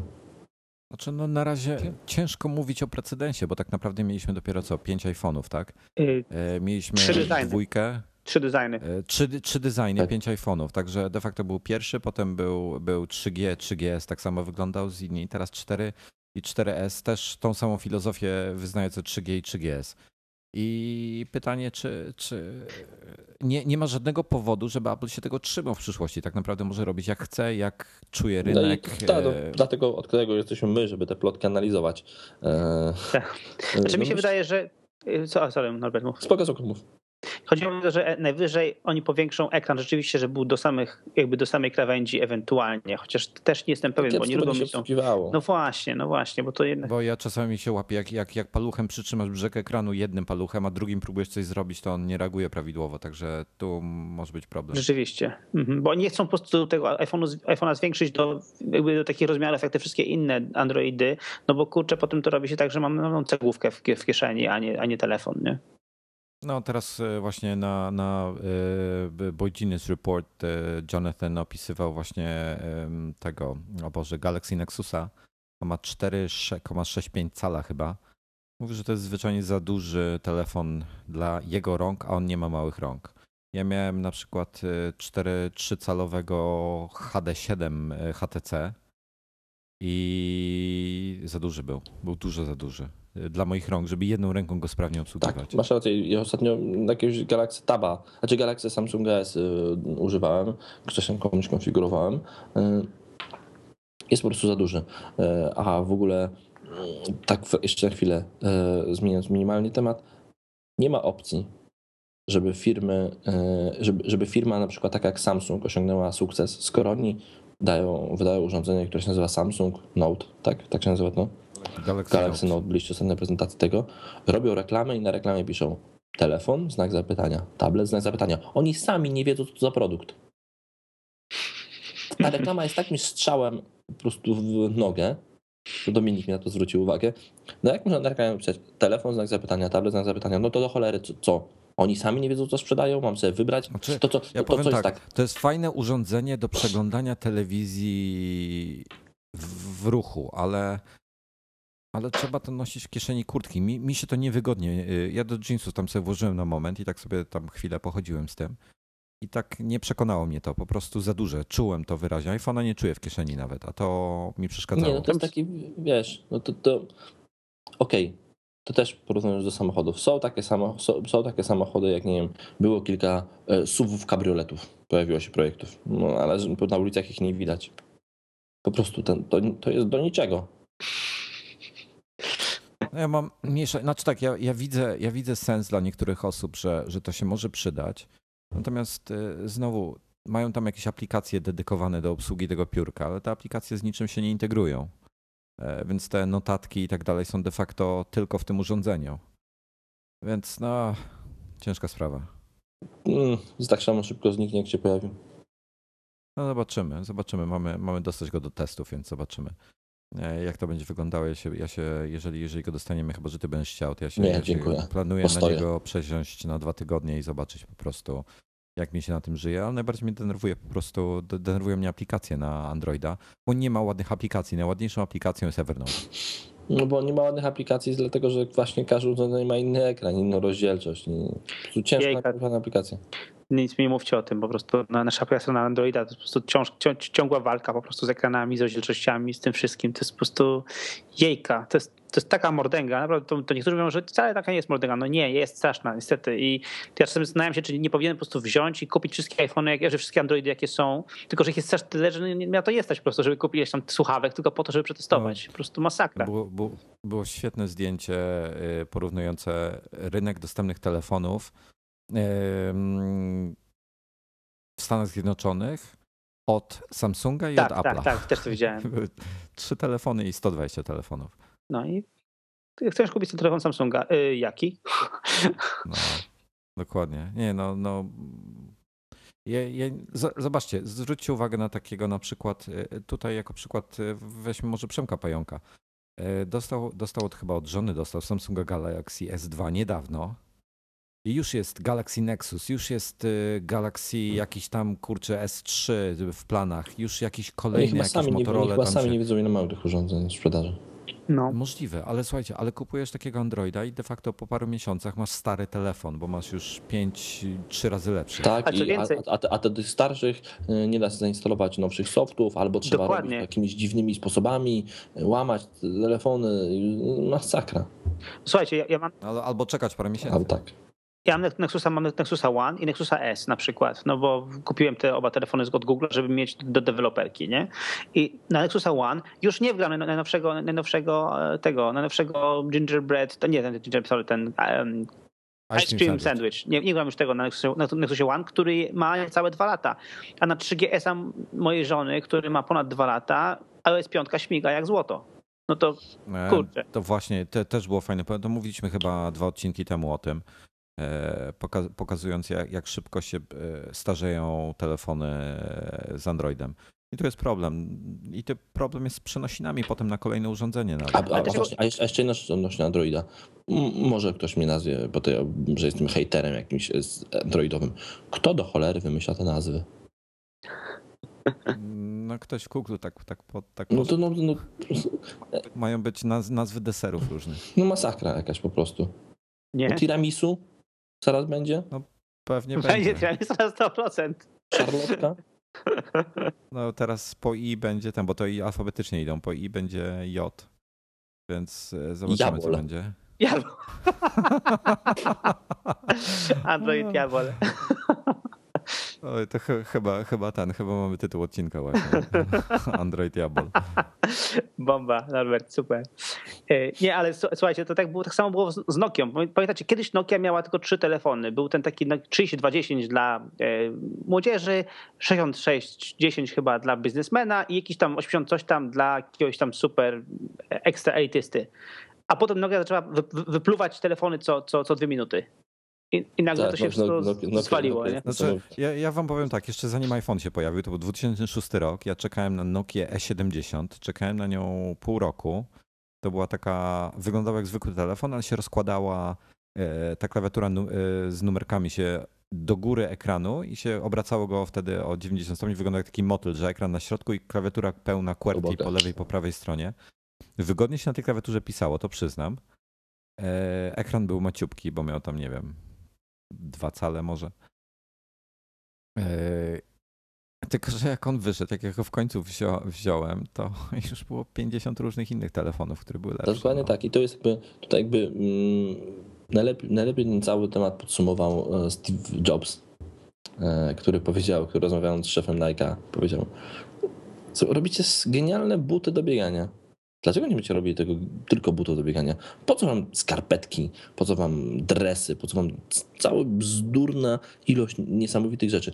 Róbcie to, co robicie dobrze. Róbcie buty do biegania. Dwa, trzy, trzy modele. Koniec. No tutaj mi się akurat, y, to tak odnosząc się do, do Porsche, to mi się ich polityka podoba. Mają cztery modele w tej chwili w ofercie. Dokładnie tak. I to wystarczy. I są, są, są dwa sportowe samochody, e, sportowa limuzyna I i, sportowa, sportowy SUV, który notabene ma bardzo dobre właściwości terenowe, jak mu się założy terenówki, bo on się bardzo wysoko podnosi. Tak, oczywiście G-klasę, jak się jest, Gelendę Jest weźmie, tylko brzydki, ale poza tym jest okej. no jest paskudny. Znaczy ten nowy już jest Tak, lepszy. No. Ale, ale właśnie, ale na przykład już inny, in, inni, na przykład BMW na przykład. Zawsze BMW też ceniłem za to, że było proste. Była seria 3, seria 5 i seria 7. A Koniec. teraz narobili. Bo teraz masakra, jejka. A, Jeszcze Audi, te, a, No a Audi? Audi robi to samo. to mamy- samo, to mamy- samo. ale, w, ale w tej chwili wszyscy się w to ładują Ale- i to... I mamy, mamy Audi i Q1, Q2, Q8. No i już sam nie wiem, jak to samochody są. Ja też nie kumam. A jeszcze widziałem BMW ostatnio GT. W ogóle ma- jaki brzydki samochód. To jest ta piątka, tylko z takim, z taką To, w ogóle. większym tyłkiem. W ogóle o co chodzi? To, skąd ten samochód się wziął? W ogóle. Znaczy, ja, ja wam powiem tak, dużo ludzi kupuje suwy, znaczy, y, okej, GT nie jest pięknym samochodem, ale y, koncepcja tego samochodu jest lepsza niż te wszystkie cholerne suwy, bo suwy wbrew pozorom mają mało miejsca w środku. To są de facto, jak, jak weźmiesz na przykład takiego, taką kajenkę przykładowo od Porszaka i porównasz to z Audi A6, to Audi A6 jest w środku dużo większe i ma większy bagażnik. Jedynie co, to jest niższe i, no i nie jest terenówką oczywiście. I kosztuje mniej pieniędzy. Mhm. E, I teraz tak, jak weźmiesz, e, weźmiesz na przykład taką piątkę, ona jest w środku dużo większa, e, ta GT, mówię o piątce Mhm. GT, ona jest dużo większa niż e, X5 w środku. Dużo wygodniej się siedzi. Ale I pod tym Ale no względem to- to jest no fajny dobrze. samochód. prawdopodobnie gdzieś tam się w tym wszystkim znajdzie perełkę. Tylko dlaczego. e, No, rozmawiamy o tym, dlaczego te firmy nie potrafią skoncentrować się na tym, żeby robić trzy Dokładnie. dobre, trzy dobre, dobre produkty, tylko robią milion produktów i liczą na to, że trzy z nich będą dobre. No tak się nie da. No, To nie, po prostu no nie to, wyjdzie. jest, to jest anty-Apple. No. No właśnie, To jest tak, że chcą obsadzić każdą, każdy segment Ale de facto. Porsche też zrobił taki błąd, bo Porsche na przykład zrobił, zrobiło Boxstera, który był świetnym roadsterem, po czym zrobił tego Caymana, który jest taki ni w 5, ni w, nie, ni w 10, czyli między... Ale właśnie Cayman się sprzedaje lepiej niż Boxster w tej chwili. O! O to, to, No. to, to nie trafiłem w takim układzie, czyli udało im się, no to zobacz. No dobra, Udało im ale się, bo, zrobią- bo dużo ludzi nie chce kabrioleta. Po prostu, A, wiesz, e, zimno i tak dalej, chcą mieć A, sztywne. Boxster, a Boxster nie był w wersji kabrioletowej? Nie, nie było. No nie, no to Cayman jest wersja nie kabrioletowa de facto, tak? No dobra, ale gdyby E- po- Porsche wpuściło Cayena na przykład mini, czy tego mniejszego Cayena jakiegoś, bo chce chyba coś takiego wypuścić. Ja No będzie, będzie razem z Audi będzie robiło. Ja się No. zaczynam tym, tym już stresować, no bo to w tym momencie właśnie to, to jest to, co z tym BMW. BMW miało X5, które było świetne, po czym nagle X3, które jest wow, e, X1, teraz pewnie za chwilę będzie X2 i X4 pewnie zrobią jeszcze pomiędzy. I, no i robi się masakra na przykład. Nie? Dla, dla, E, No to Co- BMW teraz wypuszcza serię 4, czyli to będą trójki w e, coupe i cabriolet będą serią 4. E, Chyba tak to zrozumiałem, bo tego już też dużo jest. Więc słuchali Państwa audycji napędzeni. Nie, ale, ale jeszcze jedną rzecz powiem. Widziałem genialną reklamę Porsche, która, dzięki której zrozumiałem, dlaczego Cayenne ma sens. Nie, pomijam to, że e, Porsche dopóki pcha jakikolwiek samochód i nie przestaje produkcji, e, która im pozwala utrzymać 911 i ją ciągle ulepszać, to jestem za tym. Bo, bo, bo umówmy się, że Porsche to 911. E, Natomiast był, była świetna reklama. Dlaczego? By, były dwa zdjęcia. Były jakiś Land Cruiser czy jakaś inna terenówka z lawetą, na której stała 911 w wersji torowej, ale taka, wiesz, ta y, model tam GT3 Ale- typu, z klatką i tak dalej. No i było, i było tego. skoro jedziesz na tor, to dlaczego masz e, kupować samochód konkurencji? Pod spodem była kajenka ciągnąca ten sam samochód. I wiesz, no potem to ma jakiś sens, tak? Aha. Tak, ale wróćmy do chociażby do Wróćmy do- gadżetów. Do gadżetów. Albo no. do Apple najlepiej. E, Dobra, słuchajcie. Apple e, TV. Dzisiaj, wczoraj, wczoraj się pojawił artykuł właśnie o Apple TV, ale nie o Apple TV, Apple TV, tylko o, Apple TV, a telewizorze o, o Apple. telewizorze. Tak, iTV, tak. I to, iTV. no w książce, w książce Steve Jobs powiedział, że w końcu rozgryzł e, problem telewizora, bo, bo wcześniej, no wiemy, że Apple lubi, lubi upraszczać rzeczy, tak? Do bólu wręcz. No i pytanie, co oni z tym zrobią? To na E, Jakieś, jakieś, jakie, no i ponoć konkurencja się już boi, zaczyna, próbuje się dowiedzieć, co Apple chce w tej, tej sprawie zrobić, bo telewizory w tej chwili lecą na minimalnej marży. Każdy producent ma 50 różnych e, modeli w tym samym rozmiarze.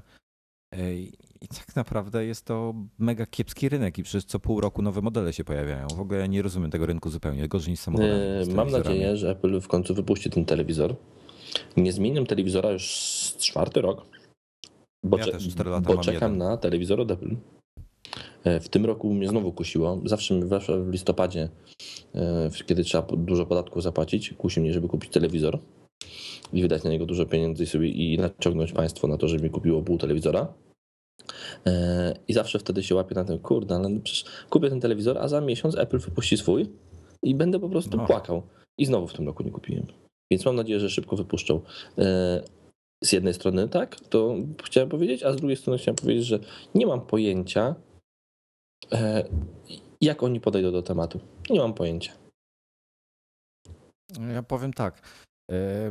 Apple na pewno chciałoby pominąć całkowicie y, wszystkie, wszystkie e, tradycyjne drogi, czyli, czyli satelity, kablówki i tak dalej. Podejrzewam, że chcieliby się skupić zupełnie na e, dostarczaniu treści poprzez iTunesa, poprzez e, jakiś Netflix, Hulu i tym podobne No myślę, że, które są w Stanach myślę, że tutaj się nie da, że, to, że, że, że tak się nie da jednak, że, e, że ciągle będzie, pewnie będzie można, będzie można pewnie do tego podpiąć ciągle dekoder A nie, nie, mo- będzie można, ale w sensie, że możesz to kupić i obejść się bez. No prawdopodobnie Że będziesz tak. miał mnóstwo treści, które możesz wypożyczyć, e, kupić, e, abonament wykupić sobie, nie wiem, na tej Ale to, zasadzie. to, czego, to Tylko- czy- czego brakuje w chwili obecnej Apple TV? No brakuje ewentu- chyba tylko nie ma programu z wiadomościami. Dorzucić tam program z wiadomościami jest pozamiatane. Są No. seriale, są filmy.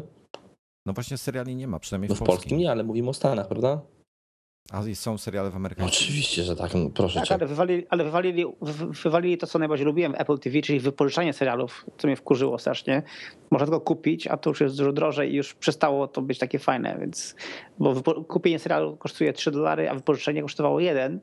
To powodowało, że oglądanie serialów to był kwestia impulsywna, a w tej chwili A nie możesz, nie możesz e, wykupić sobie, bo mi się zdawało, że można było kupić sobie tak zwany season pass. No ale czyli, nie, nie są czyli... dużo tańsze. To wychodzicie ciągle powyżej 2 dolarów za odcinek, a nie, a nie około jednego dolara. Tak powinno ko- kosztować. Także season passy są Ja drogie. Niestety. Ja bym się nie zastanawiał nad. Ja bym season passa brał bez zastanowienia chyba. Znaczy ja wziąłem sobie season passa na przykład na Grey's Anatomy, bo, mia, bo była w, był w promocji właśnie w, w iTunesach i wtedy wychodził mi odcinek e, półtora dolara. No ale w momencie, kiedy season pass jest taki, że kosztujecie 2,5 dolara odcinek, a normalnie kosztujecie 3, jeżeli kupisz impulsywnie, no to w tym momencie to, jest ża- żaden deal.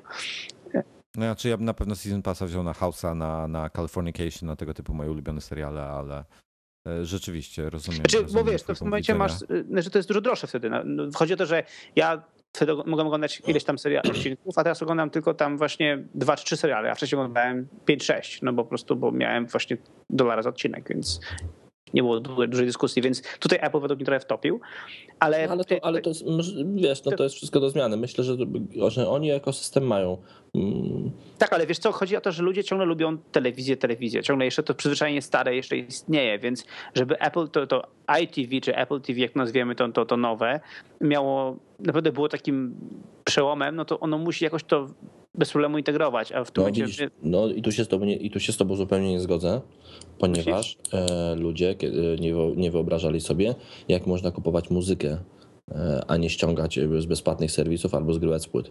Ludzie sobie nie wyobrażali, jak to, że można wypożyczać filmy w postaci elektronicznej, a nie biec do sklepu. Apple to wszystko pozmieniało, a teraz ma szansę zmienić telewizję. Tak samo, tak, taką samą rozmowę, jak teraz prowadzimy o tym, że ludzie sobie nie wyobrażają, e, Mhm. są przywiązani do tej telewizji i w ogóle, to tak samo można było przeprowadzić ją 10 lat temu. Mówić, Mhm. nie, ludzie są przywiązani do tego, że kupią płytę, CD mają, a tak to coś tam będzie w tej sieci, będzie albo nie będzie. Tak, ale na przykład w tym momencie, jeżeli o, o, o- o lokalne rynki, to robi się problem na przykład, żeby wejść, no właśnie tak jak u nas iTunes, żeby wszedł do, we- we- wejść do Polski zajęło mu to lat 15 czy tam ile, więc e, no może nie 15, ale, długo, ale dużo czasu, więc jeżeli wejdzie Apple TV, no to musi ten content już być, nie?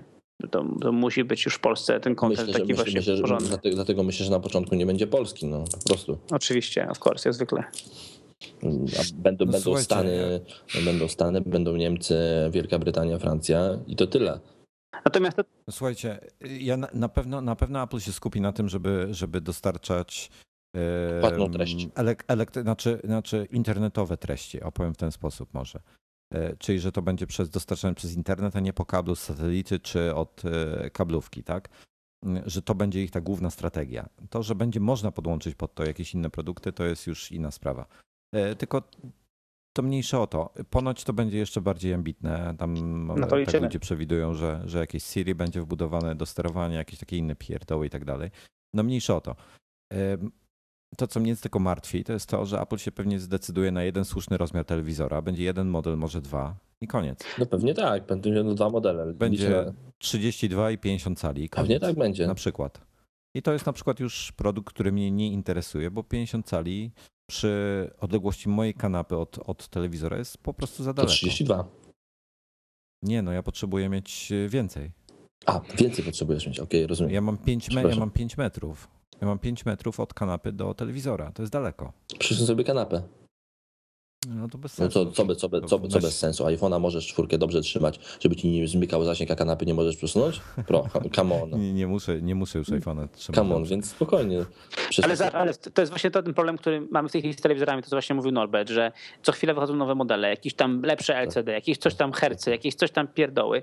Ja mam też mój, mój, mój, mój stary 42-calowy LG, którego kupiłem przed euro, tak, i on ciągle się trzyma dobrze i wygląda w porządku i, i, i, i e, odbiór jest ekstra I, i, i nie widzę, znaczy też kusi mnie nowa wersja, nowy model, coś tam, coś tam, ale tak naprawdę nie widzę potrzeby, no bo nie ma takiej, takiej żadnej rewolucji, po prostu jakby to znowu y, rynek telewizji skupił się na specyfikacji, a nie na możliwościach i dlatego mi się wydaje, Apple w to wchodzi. po prostu, Dokładnie, bo- to, dokładnie Znaczy, tak. Apple, Apple może mieć jedną rzecz. Jeżeli się zdecyduje z jakiego, w jakiś sposób e, poradzi sobie z OLEDem, e, to może być to mistrzostwo świata, tylko pewnie będzie kosztowało fortunę, chociaż przy ilościach, e, jakie oni mają możliwość e, zamówić, to może to rzeczywiście trochę, trochę taniej będzie.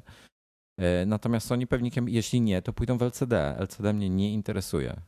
E, Nie lubię LCD, bo jest za wolny, tak? W szczególności do sportu i tak dalej. Po prostu smuży. Zrobią to dobrze. Spokojnie, jeśli wejdą, to No. jeśli wypuszczą to, to zrobią to dobrze i też i kupisz ten telewizor od razu i przesuniesz Tak. kanapę. E, Tak jest. Nie, myślę, że nie. Albo, zni- Myślę, albo że zmienisz nie. tak. mieszkanie. E, Ale równie dobrze chętnie kupię Apple TV po prostu. Dokładnie tak, bo myślę, że Apple TV dostanie tą. Dla tych, Znaczy, którzy- w sensie Tak, pudełka dla tych, Apple TV. którzy nie o. chcą mieć po prostu telewizora, dostaną to pudełko. Ja jako telewizor Apple'a mówię od razu kupię e, i tu, i tu faktycznie to jest kolejna, kolejny raz pokazuje, jak te firmy dziwnie inne działają. Jako, że się zastanawiałem nad kupnem tego telewizora, poszedłem do salonu.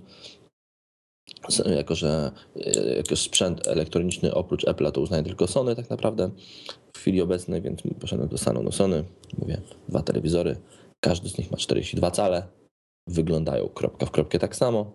Jeden kosztuje e, 3800, e, drugi e, niecałe d- 2800. Pytam się pana, czym one się różnią? Salon Sony, Arcadia, duży salon fabryczny, żaden, żaden tam Saturn albo Mediamarkt.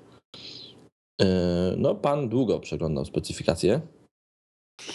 W, y, wykrył, że mają in, ten ma 100 Hz, ten ma 200 Hz.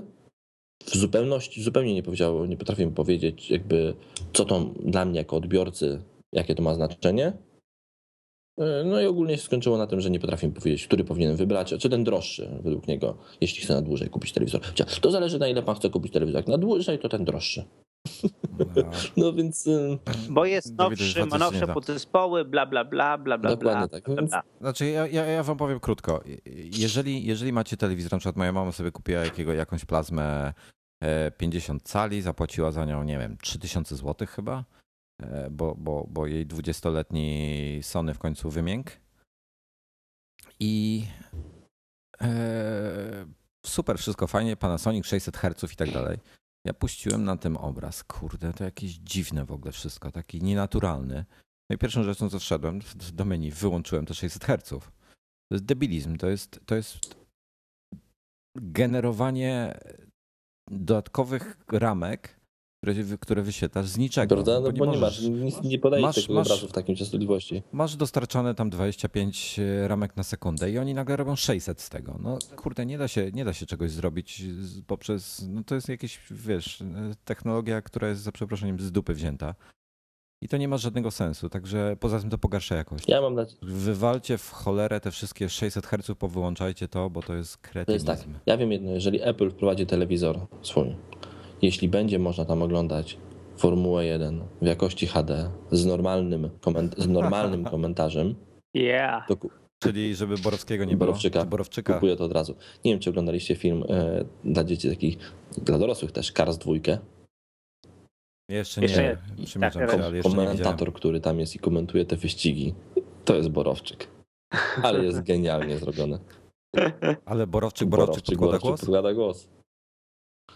Ale jest dobry, Naprawdę, naprawdę? jest dobry. Jeden z komentatorów to jest Ziętarski, starszy, a drugi to jest Borowczyk. Genialne. W O ogóle, w ogóle film jest... A właśnie, to muszę brać polską wersję. Kurczę, film, super. Tak, Polska, tylko Polska, ale film jest Jeszcze Film jest przegenialny, a po prostu no, to wszystkie, głosy, wszystkie głosy są dobrane doskonale. Niesamowicie. Halo?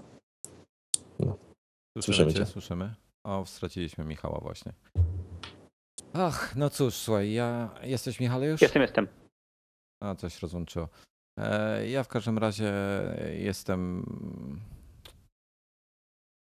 Znaczy tak, po pierwsze, biorąc pod uwagę ostatnio, ile, e, że, że Apple produkuje e, produkty, chociażby MacBook Air, tak, który, który cały świat ma problem z konkurowania z nimi, bo cenowo Tak. E, Tak naprawdę MacBooki Pro w tej chwili są jeszcze droższe od konkurencji, ale niewiele. Różnica naprawdę już nie jest taka duża, jak się mm, wpakuje podobną specyfikację. To, to MacBooki Air rzeczywiście są, są tak jak iPady, biją, biją konkurencję na web cenowo. No może nie na aż tak bardzo, ale, ale zawsze, zawsze Przynajmniej, przy, przy, przynajmniej dają to samo, przynajmniej dają dużo więcej w tej samej cenie. Dokładnie. No i pytanie, czy jeżeli zrobią telewizor w tej samej, e, e, stosując tą samą filozofię, no to może być fajna rzecz, ale zobaczymy. Ja, ja wątpię, żeby mi się to spodobało. Znaczy ja biorąc pod uwagę tę cenę, cenę, cenę obecnego Apple, Apple e, Cinema Display, no jednak jest dosyć drogi, to, to mm, boję się, że jakby mogą, mogą spudłować, nie? Znaczy, Michale, ja ci powiem tak, jak popatrzę, okej, on kosztuje tam 4,5 tysiąca pi razy drzwi, Mhm. Ma 27 cali, ma wysoką rozdzielczość, ma Thunderbolta, ma wbudowane głośniki, ma wbudowaną kamerę.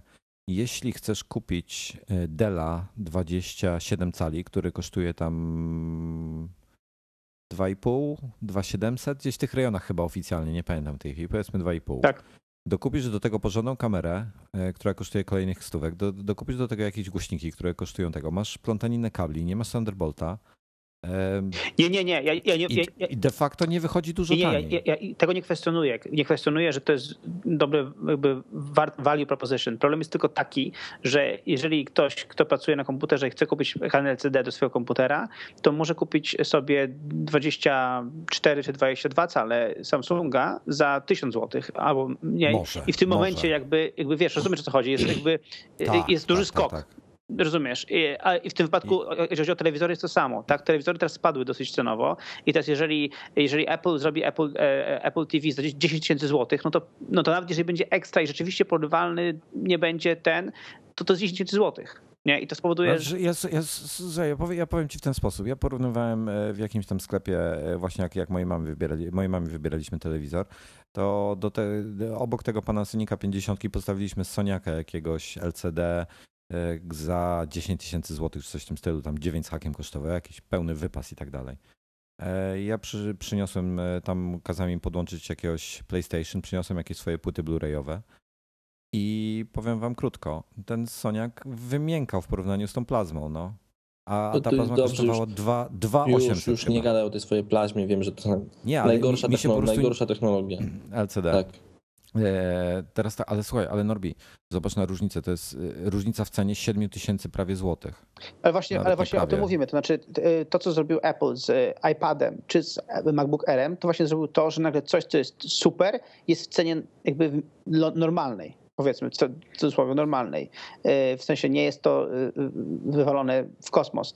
Na- No, na- Vajo takie kosztuje, odpowiednik MacBook Air e, 10 nie, nie pamiętam tej chwili, o, 10 10 tysięcy? moja żona oczywiście. miała swojego czasu takiego firmę. Tak, tak, tak, to samo. Mo- Moja żona w 10 którymś momencie chciała, chciała Moja żona też właśnie chciała, żebym kupił, żebym kupił jej ThinkPada jakiegoś takiego bardzo fajnego, y, cienkiego i w ogóle, i w ogóle. I 10 zapłacił za niego 10 tysięcy złotych. Powiedziałem, że dziękuję bardzo, kupuję ci MacBooka Aira.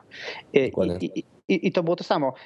No to, dlatego właśnie o tym mówię. Cinema, Dis- Cinema Display jest dosyć drogi, jest bardzo profesjonalny, bla, bla, bla, ale jest dosyć drogi jak dla normalnego zdacza chleba, który ma kupić sobie ekran LCD. Więc teraz kwestia jest tego typu, że telewizor taki w wydaniu Apple nie może być y, drogi y, dla profesjonalnych zastosowań. On ma, powinien, być, powinien być mieć cenę, któ- którą stwierdzi pan, pan Kaziu, ok, jest 1000 zł drożej, ale jest super wyczesany i, i w tym momencie biorę. Tak, Musimy poczekać, aż się pojawi na rynku, będziemy wtedy mogli powiedzieć więcej. oczywiście. No dobrze, to panowie, dwa tematy na koniec. Chciałbym em, piątkowy temat zostawić na, na koniec, więc e, plotki się pojawiły jeszcze, że e, przyszłoroczne MacBooki wracają do grafik NVIDIA. E, To jest ta firma, która, która miała duże problemy parę lat temu, Mhm. e, bo i grafiki miały jakiś tam błąd i to wszystko padało. E, nie wiem, To dobrze? tylko źle? podzespoły, wiesz. No to, to jest tak, dla Ja- mnie, ja- jak, ja jakiego, mam- jakiego bo- masz MacBooka? Srebrnego. Co mnie tam interesuje, czy tam jest w środku Nvidia, czy tam jest w środku ATI, czy tam w środku jest y, y, coś innego. On ma dobrze działać. I mam, i my i jestem przekonany, że jeżeli Apple decyduje się na tego sprzedawcę podzespołów, to znaczy, że to będzie dobrze działało i koniec. No dobra, zobaczymy. No powiem tak, te zintegrowane grafiki Intela nie są jakieś rewelacyjne. Więc podejrzewam, że to, to może być powodem odejścia, przejścia na, na, na, na Nvidia. Znaczy ja mam w swoim zintegrowaną grafikę Intelową, bo ja mam tego e, 13 Tak, mam, mam, czyli mam 3000 tego Intela HD Graphics 3000. Ja tam działa po prostu. Co, co mam No. się zagłębiać? Nie To, narzekasz. to samo. Znaczy u mnie był problem, jak miałem tego pierwszego era, pierwszy był miał zintegrowaną i po prostu był słaby. Znaczy miał słabe chłodzenie, więc on tam mi się rozwalał, jak podłączyłem zewnętrzny monitor. Natomiast ten obecny R, ten najnowszy z zintegrowaną grafiką, no trochę boli, że jest jakby w testach, jest w testach jest e, podobnej szybkości jak poprzedni R, który, miał, który ma e, Nvidia. Natomiast e, w pracy normalnej działa ekstra, więc cokolwiek. No dobra, to, czyli tym się nie przejmujemy. E, czarny piątek, Black Friday. To ju- Od, już jutro. e, od, od północy dzisiaj tak de facto. No tak. Mhm. To jest, może wyjaśnijmy w ogóle, co to jest ten Black Friday. To jest Black, Black Friday to Właśnie. jest taki początek, jakby początek sezonu wyprzedaży w Stanach. Mm, Zawsze ostatni piątek listopada. W Stanach jest to prawdziwe święto zakupów. Tam firmy wielu pracownikom dają wolne w piątek, po to, żeby ci pracownicy mogli stanąć rano w kolejkach do sklepów i kupić coś tam na wyprzedażach. I to jest, no to jest, ma to swoją bardzo długą tradycję. Już w Polsce do tej pory tego nie znaliśmy, a w tym Otrze, ja, powie, ja powiem może o tej tradycji jeszcze już, już skoro Mhm. o tym wspomniałeś. E, czy dzisiaj jest oczywiście w Stanach święto dziękczynienia, Thanksgiving. tak, E, I Black Friday na początku e, wzięło się, to, to było z lat 60., wywodzi się z Filadelfii konkretnie i to się wzięło z tego, że, że był w tym czasie wzmożony e, ruch pieszy i samochodowy na ulicach i chodnikach e, tego miasta. To się potem w latach 70. czy końcówkę 60. rozszerzyło na, na inne miasta, inne stany i tak dalej. I właśnie w 70. latach przyjęto, że, że ta czerń w Black Friday oznacza dla sprzedawców, dla wszystkich sklepikarzy, sklepów i tak dalej, że, e, że mają właśnie bilans na czarno, czyli już nie są pod kreską, tylko zaczynają coś zarabiać. E, tyle, tyle znalazłem na ten temat. E, natomiast to chyba, chyba pierwszy, pierwszy przypadek Black Friday w Polsce. Znaczy czy, pierwszy, mi się, czyli czy mi się Apple, zdaje? Apple Store, który mamy w Polsce od kilku, od kilku tygodni, wprowadza Black Friday i to jest pierwszy przypadek w Polsce. Chyba nie słyszałem o tym, żeby ktoś takiego coś organizował. Teraz Jakieś inne firmy tak, czy coś? Nic, nie, nie, ja też kojarzę. nie kojarzę, a, a tutaj jakby mocno jestem związany z branżą sprzedażową, więc pewnie gdyby jakaś firma miała coś takiego, miała jakiś czarny piątek, bym pewnie o tym wiedział. Nikt tego nie ma. Ja rozmawiałem e, tutaj z kilkoma osobami e, w, e, właśnie z firm, które zajmują się sprzedażą ogólnie, prowadzeniem centrów handlowych i tego, tym podobnych i mówię im o tym, mm, wszyscy jakby mówili, kurde, może fajny pomysł, może go wprowadzić w Polsce, e, taki impuls troszeczkę przed świętami, bo teraz ten okres taki teraz minimalnie martwy, bo jeszcze nikt nie robi zakupów świątecznych. No właśnie. Już, e, może by to wprowadzić, więc jestem ciekaw, czy za jakiś czas się nie pojawi, e, nie pojawi się czarne piątki w innych sklepach. No możliwe, no bardzo możliwe. Ja czytałem w komentarzach, e, bo, bo pisaliśmy o tym na, na magazynie. Czytałem w komentarzach właśnie, to chyba nie pamiętam gdzie zresztą, nieważne. Były komentarze, tam ludzie się pytali, czy będą zniżki typu 50%. No, no bo, bo, bo, w Polsce, bo w Polsce no, ludzie, bo, bo, bo, Polska jest takim trochę dziwnym krajem. Faktycznie w Polsce jak nie ma 50% zniżki, to nie jest to zniżka. E, w Stanach takich zniżek nie ma, obniżek, więc e, więc pewnie w, Apple Store też się takich nie, raczej nie powinno Nie, są, są, są, są, tylko że nie, nie, nie u Apple'a. Apple no nie, Apple'a, nie robi, tak. ale no to mówię, nie, no, wiele, mówię o Apple wiele firm, wiele firm robi duże zniżki, bardzo duże zniżki w Black Friday. Tam naprawdę, no, zresztą w ogóle zakupy w Stanach odnośnie ciuchów tych spraw, to naprawdę można kupić za, za śmieszne pieniądze bardzo ładne rzeczy. E, no, Apple tego nie robi. Apple nigdy nie robił w Black Friday ogromnych zniżek. To zawsze, zawsze się blogi typu The Unofficial Apple blog skarżyły, że no Black Friday, ale kurczę, Apple zniżył to tylko o tyle, tylko o tyle, a nie tak jak wszystkie inne firmy o połowę albo coś takiego. No przykro mi bardzo, Apple nie, nie walczy ceną i, i, bardzo dobrze zresztą. To ja tu, tu rzucę może, może tak e, trochę cenami. To, to e, na MacBookach Air ma być oszczędność 100 dolarów, na MacBookach Pro 100 dolarów, na iMacach też 100 dolarów iPod Touch zależnie od modelu od 20 do 40 dolarów, Nano 11 Mnie, mnie to ciekawe, jakie będą w Polsce, więc... Y, iPad 40 do 6. Ja, ja bym ustawiał te ceny razy 4. Będę, będę bardzo czekał na 12 godzinę w nocy dzisiaj i chyba sobie poczekam chyba, i zobaczę. No właśnie chyba na pierwszą musimy poczekać, bo to jest y, u nas się oficjalnie zaczyna według tej notki tam pod spodem, która była taki, y, tego, tego drobnego druku, że od, od północy GMT, czyli, czyli u nas teoretycznie od pierwszej to powinno być. Poczekam nawet do pierwszej. Bo jestem ciekaw. Pewnie, pewnie, pewnie, nie mam żadnych potrzeb zakupowych, ale tak z ciekawości. Tak jest, też no, jestem ciekawy. No, zobaczymy, czyli powinniśmy mieć, e, powinno to być od pierwszej 01 e, czasu naszego, e, czyli centralnoeuropejskiego i trwać do pierwszej rano następnego dnia, do, do 59 minut po północy, tak dokładnie. E, w sobotę de facto, czyli noc z piątku na sobotę. Także no trochę czasu jest, zobaczymy co będzie. To już, już niedługo. Mm, coś w planach, panowie? Coś będziecie kupowali? Znaczy i tak muszę kupić mojego 4S w końcu, więc, więc i tak go kupię przy okazji, a zobaczę co jeszcze. No ja nie wiem, czy właśnie tam ewentualnie 4S, 64 GB, bo tam chyba mam taką potrzebę, więc możliwe, że, że kupię, ale nie wiem, czy, czy nie, na Allegro niektóre są te oferty bardzo dobre, więc może tam. No właśnie się zastanawiam, czy coś potrzebuję i tak naprawdę. E, a może taki temat na koniec. Kindle sobie kupiłem w końcu. O! Tego najtańszego klasika bez dotyku w ogóle taki, taki zupełnie ten, e, jeszcze z fakturą VAT, także wyszedł mi jakiś... A gdzie kupiłeś? Bo chyba 3, 350 zł. Na Allegro go kupiłem, słuchaj. No e, kosztował, kosztował mnie netto 350 zł, także jestem bardzo zadowolony. O, super. E, I czyta się na tym fajniej niż na iPadzie. Moja żona właśnie ma tego, jest, jest lżejszy. Jest lżejszy nie świeci. Także, także to jest fajne. Natomiast Jakiś pokrowiec na to bym chciał kupić, ale obawiam się, że w Apple Store nic nie znajdę, może na Amazonie. No nie, w Apple Store możesz nie znaleźć pokrowca. Nie bardzo. Ten skórzany polecam, skórzany, bo ja kupiłem żonie, jak byliśmy w Stanach, tego Kindla właśnie, tego klasika. A ja, a ja nie chcę takiego, bo ty mówisz o takiej formie notesu, co Ekstra, jest. moja żona jest zachwycona tym, tym, tym, tym. Nie, ja nie chcę. To, to ma być urządzenie, które ja chowam do kieszeni, A. wiesz. E, Akurat idealnie mi się mieści w kieszeni do kurtki, w kieszeni od kurtki, także chciałbym mieć taki, taki, taki sleeve tak zwany, A. taki wiesz, e, że, że po prostu wsuwam go do środka, taki jakiś, nie wiem, skórzany, wykładany jakąś tam delikatną skór, e, tym materiałem od środka, jakąś mikrofibrą czy czymś, A, bo, e, że, żeby tylko wsunąć go i zabezpieczyć na czas podróży. no moja żona go po prostu trzyma to w twojej torebce właśnie w tej, w tej formie i jest zachwycona po prostu, bo jest wielkością, wielkością książki, lekki jak książka i generalnie y, No, zależy jaka książka. E, Biografia Steve'a Jobsa nie jest wcale lekka.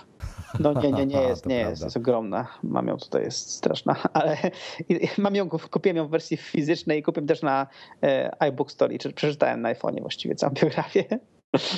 No i fajnie, tak. ja to cię Ja podziwiam. mówię, co, no ciągle go czytałem wtedy, kiedy po prostu, nie wiem, gdzieś byłem w, w, w biegu, że tak powiem, nie? To wtedy będzie, w No iPoda, tak. iPhone, iPhone'a miałem go przy sobie, nawet nie miałem, nawet nie na iPadzie, tylko na iPhone'ie, bo miałem go zawsze pod ręką, nie? Także całą w sumie prze, przeczytałem na iPhone'ie. 2500 A dla mnie- y, ileś tam stron na iPhone'ie to było. No ładnie. Ja się, ja się zastanawiam nad smart coverem, czy sobie nie kupić jakiegoś kole, kolejnego, bo mam tą poli, po, poliuretanową wersję. Mhm. Ale skórzany? No, mam niebieską. Się zastanawiam, te, czy tej nowej zieleni sobie nie kupić, bo jest śliczna. Brzydka jest, widziałem ją na żywo, jest brzydka. Jest No, zgadzam się z tobą, bardzo brzydka. Taka jabłkowa. Jak, ziel- takie, jak, takie jabłkowe, jak takie jabłko sztuczne e, w sklepie. Tak. Strasznie mi się ten kolor podoba. E, No bo te skórzane, chociaż ta skórzana, ta brązowa też jest ładna. Jasno-brązowa. Mam jasno brązowo do sprzedania, jakbyś chciał. E, Kremowa też No, ja polecam komuś, jakby ktoś chciał, to, to kupić, e, jeżeli będzie obniżony, kupić tego. To zresztą o tym, o tym, o tym będzie mój felieton między innymi w e-magazine w, ten grudniowy, to kupić y, no, ten router malutki y, Airport, Airport Express. Express. Jest genialny. Genialny. Ja go, to jest rzecz, którą mam. To jest No rzecz. Ojej, ja polecam. na, na stałe w swojej teczce. Nie? Mam, go, też, ciągle, to samo. mam go zawsze ze sobą. E, Zawsze. Jestem, jestem w, hotel, w hotelu jakimś, którym nie ma Wi-Fi, e, a takich hotel, a bardzo dużo ciągle hoteli Tak jest. za granicą ma. z- Ale, ale w sensie, że jest, jest, kabel, dokładnie, Tak? na po prostu kabel wychodzi ze ściany, podpinam sobie, mam swój własny internet, nie muszę się martwić o to. To jest po prostu Genialne. rewelka. To jest rewelka. Zwłaszcza kiedy Wi-Fi często, jeżeli nawet jest, jest po prostu kiepskie w tych hotelach, no bo wiadomo, przez ściany i tak dalej, nie? I oni y, oszczędzają na ilości routerów. A tak podłączasz do kabelka i nagle masz własne Wi-Fi. Twoje wszystkie i-urządzenia są z tym skonfigurowane, więc mojej żony iPhone, mój iPhone, mój R i żony R, wszystko po prostu od razu ma nagle ciach, internet i do widzenia. Bomba. Ja się, ja się zastanawiam właśnie, czy nie kupić sobie tego, żeby, żeby przedłużyć internet do sypialni, żeby był trochę tam mocniejszy, bo odkąd ostatnio sąsie, sąsiadów, e, u sąsiadów przybyło strasznie dużo różnych dziwnych nazw. Tak, tak. E, także, także ten, no, pod tym względem się, się Znaczy polecam, jest po prostu no, genialny. Jest malutki, y, no to Norbert tak samo właśnie jak widać. Bardzo fajne urządzenie. Tak jest, polecamy. Także jak to, jak będzie, jeżeli będzie tańszy teraz w piątek, to jak najbardziej brać. A ja bym sobie, a ja bym właśnie patrzyłem, ale ja, ja chciałem kupić jakieś słuchawki porządne, e, Sennheisera najlepiej. Ale nie ma nic fajnego. No. O, to tyle. A co to jest ten, ten, ten, No. ten, a ten, to jest ten Zeppelin jeszcze, ten jest... No, a Zeppelin to jest mistrzostwo świata. Znaczy ja, ja, mam, ja mam coś innego, mam Philipsa, takie duże, duże, duże łeło tutaj, na iPhone, na, na, na iPoda i, i fajne Fide- jest. Fidelity jakiś tam, tak? Nie, nie, taką wieżę mam, taką wysoką. A, Znaczy, wieżę taki- wysoką. wy- Znaczy taka wys- wysoki głośnik, taki bardzo wysoki Aha. głośnik Philipsa, y, kosztował 200 euro. O, panowie, ja się Fajne. tak szybko was zapytam. Em, czy wy używaliście takie słuchawki, które są, akurat są, wkleję wam szybko linka e, do tego, do Skype'a. Czy używaliście słuchawek kiedyś tego typu kształcie i co myślicie o, ich- o, o ich wygodzie? To, to jest tak, że one są wkładane jakby do uszu, jak zwykłe słuchawki, e, tylko potem wychodzą za ucho i z tyłu za szyją. Jak dla mnie, jak dla mnie są bardzo niewygodne. No bo właśnie się zastanawiam, potrzebuję słuchawki jakieś e, potoodporne, że tak powiem, bo wszystko mi pada po prostu. O, to E, są, ciekawe, to są ciekawe. I nie, ja właśnie nie używam Przeczytaj, takiego przeczytaj, przeczytaj sobie w ostatnim numerze iMagazine. E, mój brat testował C5 e, BMW, Mhm. czyli do usz. No właśnie, nie dotarłem jeszcze do, do, do tego artykułu. Genialne słuchawki. Bardzo fajne. Ale one nie są wodo, potoodporne. No i myślę, że będą. Spójrz na konstrukcję. Nie. Wyglądają, wyglądają na bardzo Mm. odporne. Wiem, ale wiesz co, ale nie jest podane. Ja już czytałem trochę na ten temat. E, I tak de facto tylko Philips robi, Sennheiser robi te serie sportowe, które mają tam specjalne zabezpieczenia przed potem. To w najnowszym, Bo w wszystko 11, tak? inaczej w tym, pada. Tym, yy, magazyn? Tak. Tak. Okej, zaraz sobie przeczytam. A tak w ogóle to Sennheisera HD 800 chciałbym kupić, ale kosztują 600 euro. No ale tak popłynęliście, to popłynęliśmy już z tymi tematami takimi zakupowymi trochę. Właśnie. bym chciał ciąć. Ale dajcie, dajcie znać w komentarzach, co wy sobie kupiliście lub planujecie kupić jutro. E, I czy coś fajnego znaleźliście, może coś komuś polecicie. Bo, o właśnie, ja sobie kupię chyba zestaw ten, ładowarkę do samochodu, do iPhone'a. Jeśli nie masz jeszcze, ja mam pewnie z 15, ale Dokładnie. Nie, wiesz, wiesz co znalazłem genialnego? To, to jeszcze szybko odpowiem. E, Fajny, fajny ten, Brodit, nie wiem czy znacie taką firmę Brodit. mhm, znamy. No. Robi genia- do mojego samochodu robi genialne uchwyty, bo wkładane są w tą, do iPhone'a, wkładane są w uchwyt, e, w tą, w, w kratkę wentylacyjną po prostu. E, Więc nie blokuje to szyby i nie, nie przeszkadza w niczym innym. E, I Griffin chyba albo Belkin, chyba Griffin robi mm, wkładane do zapalniczki po prostu zasilacz, który ma dwa wyjścia No mamy, mam USB. I ma jeszcze od razu transmitter FM wbudowany. Och, z transmitter FM, jakie to są gówna. Nie, to, to, to, nie, to nie działa No, dobrze, co? niestety. To gówno jest też. Ale, ale co zrobić, jak, jak nie ma wejścia No tak. Masz kiepski samochód. No mam kiepski samochód, kupowałem go mm, za wcześnie, no po prostu nie było wtedy takich rzeczy. No, Ma wejście na iPoda, tylko klasika jeszcze. Niestety. No dobra, panowie, kończmy. Okej, będziesz chciał dużo. Drugi. dogadaliśmy. Czyli o, o iMuzeum nie mówimy. Nie ma. Następnym, następnym razem. Był taki Ej, powiem- Aha, no właśnie, O, mieliśmy jeszcze tak. o muzeum Drugi odcinek. No, z... no mów, To potniesz, no. już mów teraz. potnie ten. Nie, nie będę nic chciał. Dobrze było. Yy, Mów, o tym iMuzeum, bo ty masz, kurczę, ile ty, ile ty masz tych iPodów? Powiedz tak, zacznij od tego. E, hm, mam ich 49. Jejka. E, najróżniejszych e, iPodów. Pewnie się dziwicie, dlaczego tak dużo, e, bo skoro tyle modeli nigdy nie wyszło, to dlatego, że na przykład jeżeli mini były w czterech kolorach, to mam cztery kolory mini. Jeśli były nano drugiej generacji, na przykład w kilku różnych kolorach, no to mam nano drugiej generacji cztery sztuki w różnych. Ale nie masz, nie masz wszystkich Nie, kolorów, jeszcze nie, prawda? nie. No, to jest jakby, Ale no, planujesz? to, taki jest cel. Mieć, mieć, mieć wszystkie. Czy oczywiście mm, to też nie do końca, tak przynajmniej tych starszych modeli, bo te nowe modele są dość drogie, więc nie, jak wychodzi nowy nano e, szóstej generacji, no to mam dwa kolory tylko, czyli czerwoną i jakoś tam pomarańczową. Nie mam wszystkich. E, nano czwartej generacji też mam dwa kolory. Nano piątej jeden, ale jakby te starsze staram się uzupełniać i mieć, mieć wszystkie. E, Mam no, od początku wszystkie, czyli pierwszą generację, drugą generację, trzecią generację, wszystkie oczywiście są działające. E, Stoją u mnie na, zajmują już dwie półeczki mm, w, w moim pokoju. E, No i postanowiłem, że jakby mm, do każdego, kiedyś, kiedyś jeszcze mm, robiłem do każdego z nich taki dość długi opis o historii tego modelu, e, o tym skąd się wziął, jak, czym się charakteryzuje. Każdy z modeli ma swoje fajne czasami e, takie niuansiki, na przykład, e, na przykład można wspomnieć o tym, bo ostatnio stałem się e, posiadaczem drugiej generacji Nano w wersji czerwonej, czyli Red, czyli pierwszy iPod, który wyszedł jako produkt, product Red. I z tym w ogóle iPodem nie jest product Red, ale z całym tym iPodem wiąże się fajna taka anegdotka, gdyż on, e, ten iPod został przedstawiony e, przed świętami w 2006 roku, przed świętami e, Bożego Narodzenia, czyli był takim no, typowym produktem prezentowym. E, I bardzo dużo jakby, no, stał się ogromnym hitem prezentowym i większość nastolatków amerykańskich znalazła go mm, pod choinką 24 grudnia jako prezent. I potem e, dostali iPoda i musieli pobrać iTunesa. Tak dużo, tak duży był ruch na stronach Apple, że 26-27 grudnia 26, 2006 roku zupełnie padły serwery Apple. Nie dało się nic pobrać. Bo tak dużo ludzi, tak dużo ludzi pobierało iTunesa właśnie dlatego, że stali się posiadaczami, że dostali pod choinkę właśnie nowego, nowe nano. No i postanowiłem Ładnie. to wszystko jakby, do tej pory też to iMuzeum, ja sobie tak to nazywam, jest na moim blogu. Postanowiłem, że stworzę mu, mm, stronę e, facebookową, gdzie każdy z modeli będzie miał swoje piękne miejsce, będzie opisany.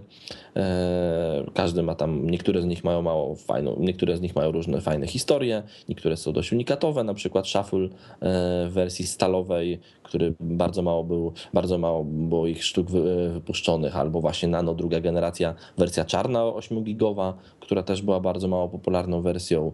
Jest śmieszny iPod, który tak naprawdę był sprzedawany tylko, nawet nie był sprzedawany, on był troszeczkę rozdawany, czyli iPod e, Shuffle e, trzeci, e, drugiej generacji w wersji Avon. O, to jak To to, był iPhone Shuffle drugiej generacji w kolorze złotym.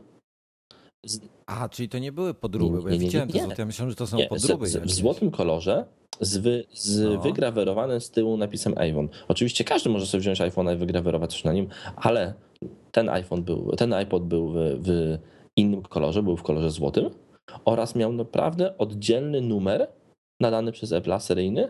Jak go podłączysz do iTunesa, wyświetla się jako iPhone złoty, Avon.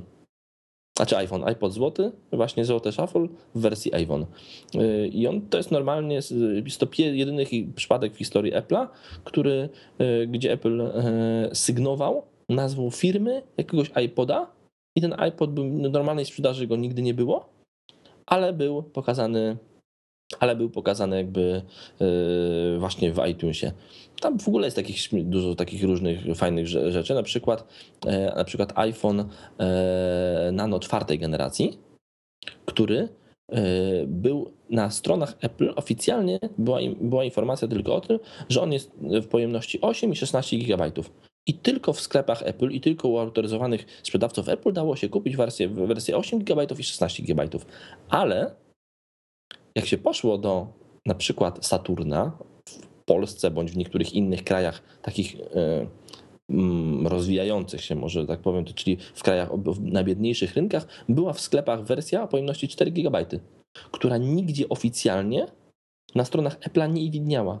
Na stronach Apple nigdy nie, nie znaleźliście informacji o tym, że taki iPhone, taki iPod był w wersji 4 GB. Wchodziłeś na nano czwartej generacji, widziałeś tylko informację o tym, że ma 8 i 16 GB, a w sklepach można było kupić 4 GB.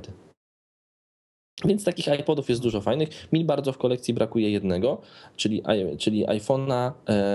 Ich było kilka, dokładnie, że iPoda, ich było kilka modeli, e, głównie to była czwarta generacja, ale w wersji z kolorowym wyświetlaczem czarno-białym, e, w wersji Harry Potter. E, czyli to były iPody, na których był wgrany audiobook na stałe, znaczy na stałe, domyślnie, z książką o Harry Potterze, a z tyłu było, wy, było wygrawerowane wielkie logo szkoły w Hogwarcie. Ja nie jestem fanem Harry Pottera, nawet nigdy nie przeczytałem żadnego, ale sam iPod jest bardzo, bardzo e, unikatowy i praktycznie nie do kupienia.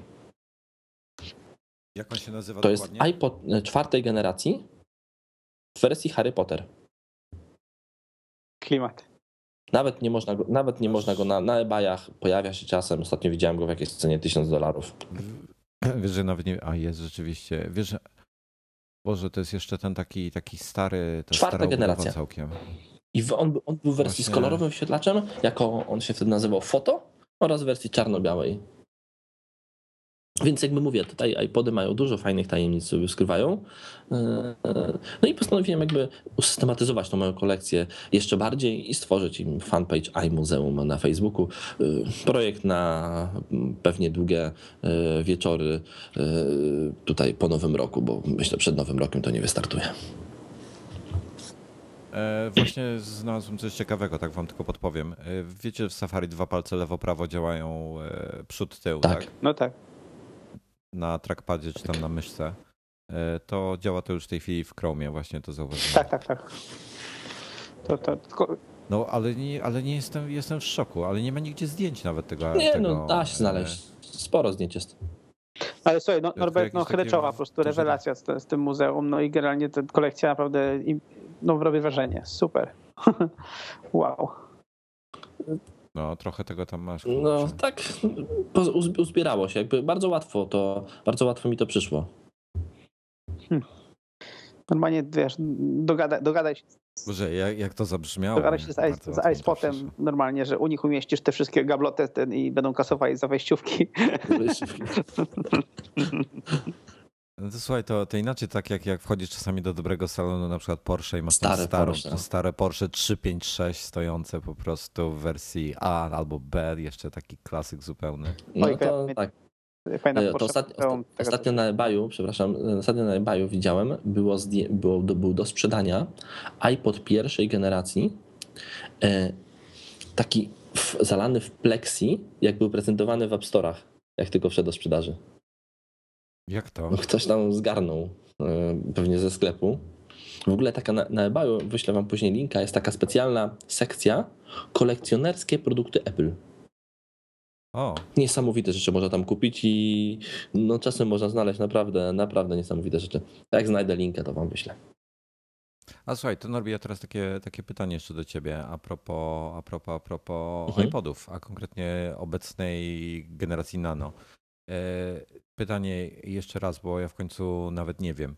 Jest jakakolwiek różnica między tym Nano, co się teraz pojawiło? Tam coś tam doszło do niego, co? chyba, tak? Czy to nowy No, software nowy tylko? software doszedł, e, on się fizycznie różni troszeczkę, go i Fixit rozebrał.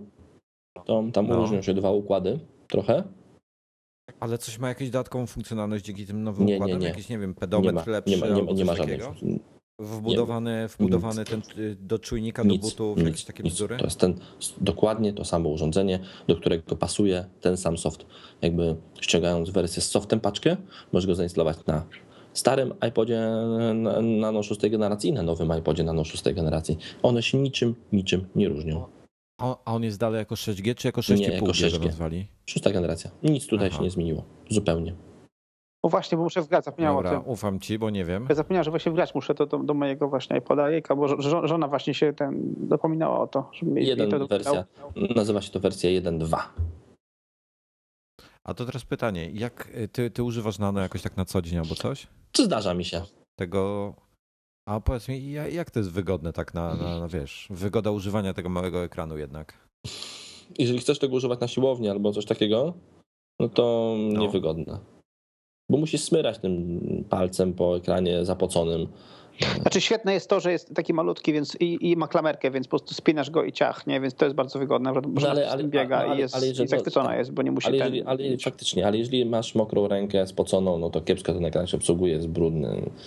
Pewnie lepiej tutaj, lepsze tutaj jest zdecydowanie Shuffle, ten najmniejszy, czwarta, genera, czwarta generacja, która jest w chwili obecnej.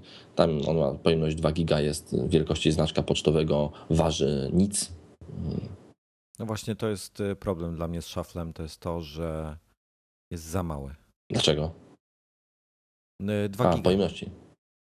Pojemności za mało. No tyle i tak, jak idziesz na, na jakąś sesję biegania albo jakąś inną, no to te 2 giga to i tak jest mm, dużo. No tylko trzeba pamiętać o tym, żeby, żeby synchronizować sobie to, co się chce aktualnie słuchać. A to jeszcze podpowiedz mi tylko szybko, jak wyglądają te kolory na żywo, bo niestety nie ma czerwonej wersji. Shuffle. E, Nie ma czerwonej wersji szafla. Ja mam wersję szafla srebrną. Jest taka klasycznie, klasycznie ładna, E, ale jakby, no, kolory są takie, no, szkoda, że nie ma czerwonej, to bardzo, bardzo, bardzo żałuję, tylko, Ja, gdyby była tam kupił tylko jeden shuffle był w wersji, e, wersji Product Red, czyli to był shuffle druga generacja. No to będę w bardzo brzydkim kolorze, bo podobnie jak e, Nano trzeciej generacji, był takim czerwony, był taki wpadający w bordo. Mm, I to nie, nie był ładny czerwony. E, No, jak mówię, ja bym, jeżeli miałbym cię polecić swojej strony, to poleciłbym ci albo wersję srebrną. Ona jest, jako, ona jest fajna, bo jako jedyna, wszystkie inne pozostałe mają białe kółeczko sterujące, a srebrna ma czarne kółeczko sterujące. I dlatego mi się najbardziej podoba. No, albo różową. I tak dla ciebie też może pasować. Dzięki, dzięki. Nie, właśnie zastanawiam, czy z jutrzejszej okazji nie, nie kupić e, szafla na prezent. e, Właśnie pod kątem siłowni, tylko się boję, że te 2 giga to będzie trochę mało. Trzeba pamiętać tylko o tym, żeby zsynchronizować wcześniej to i tyle. E, A to się jakoś synchronizuje poprzez taki specjalny kabelek. chyba, Taki prawda? spec z zakończony jackiem. No Dobra. Dostajesz go w komplecie, więc Okej. Popłynęliśmy dzisiaj, panowie. Ale, ale fajnie się gadało. dzięki bardzo za rozmowę i do zobaczenia. Hej, kapa. Cześć, cześć. Dzięki, dzięki, Dzięki na razie.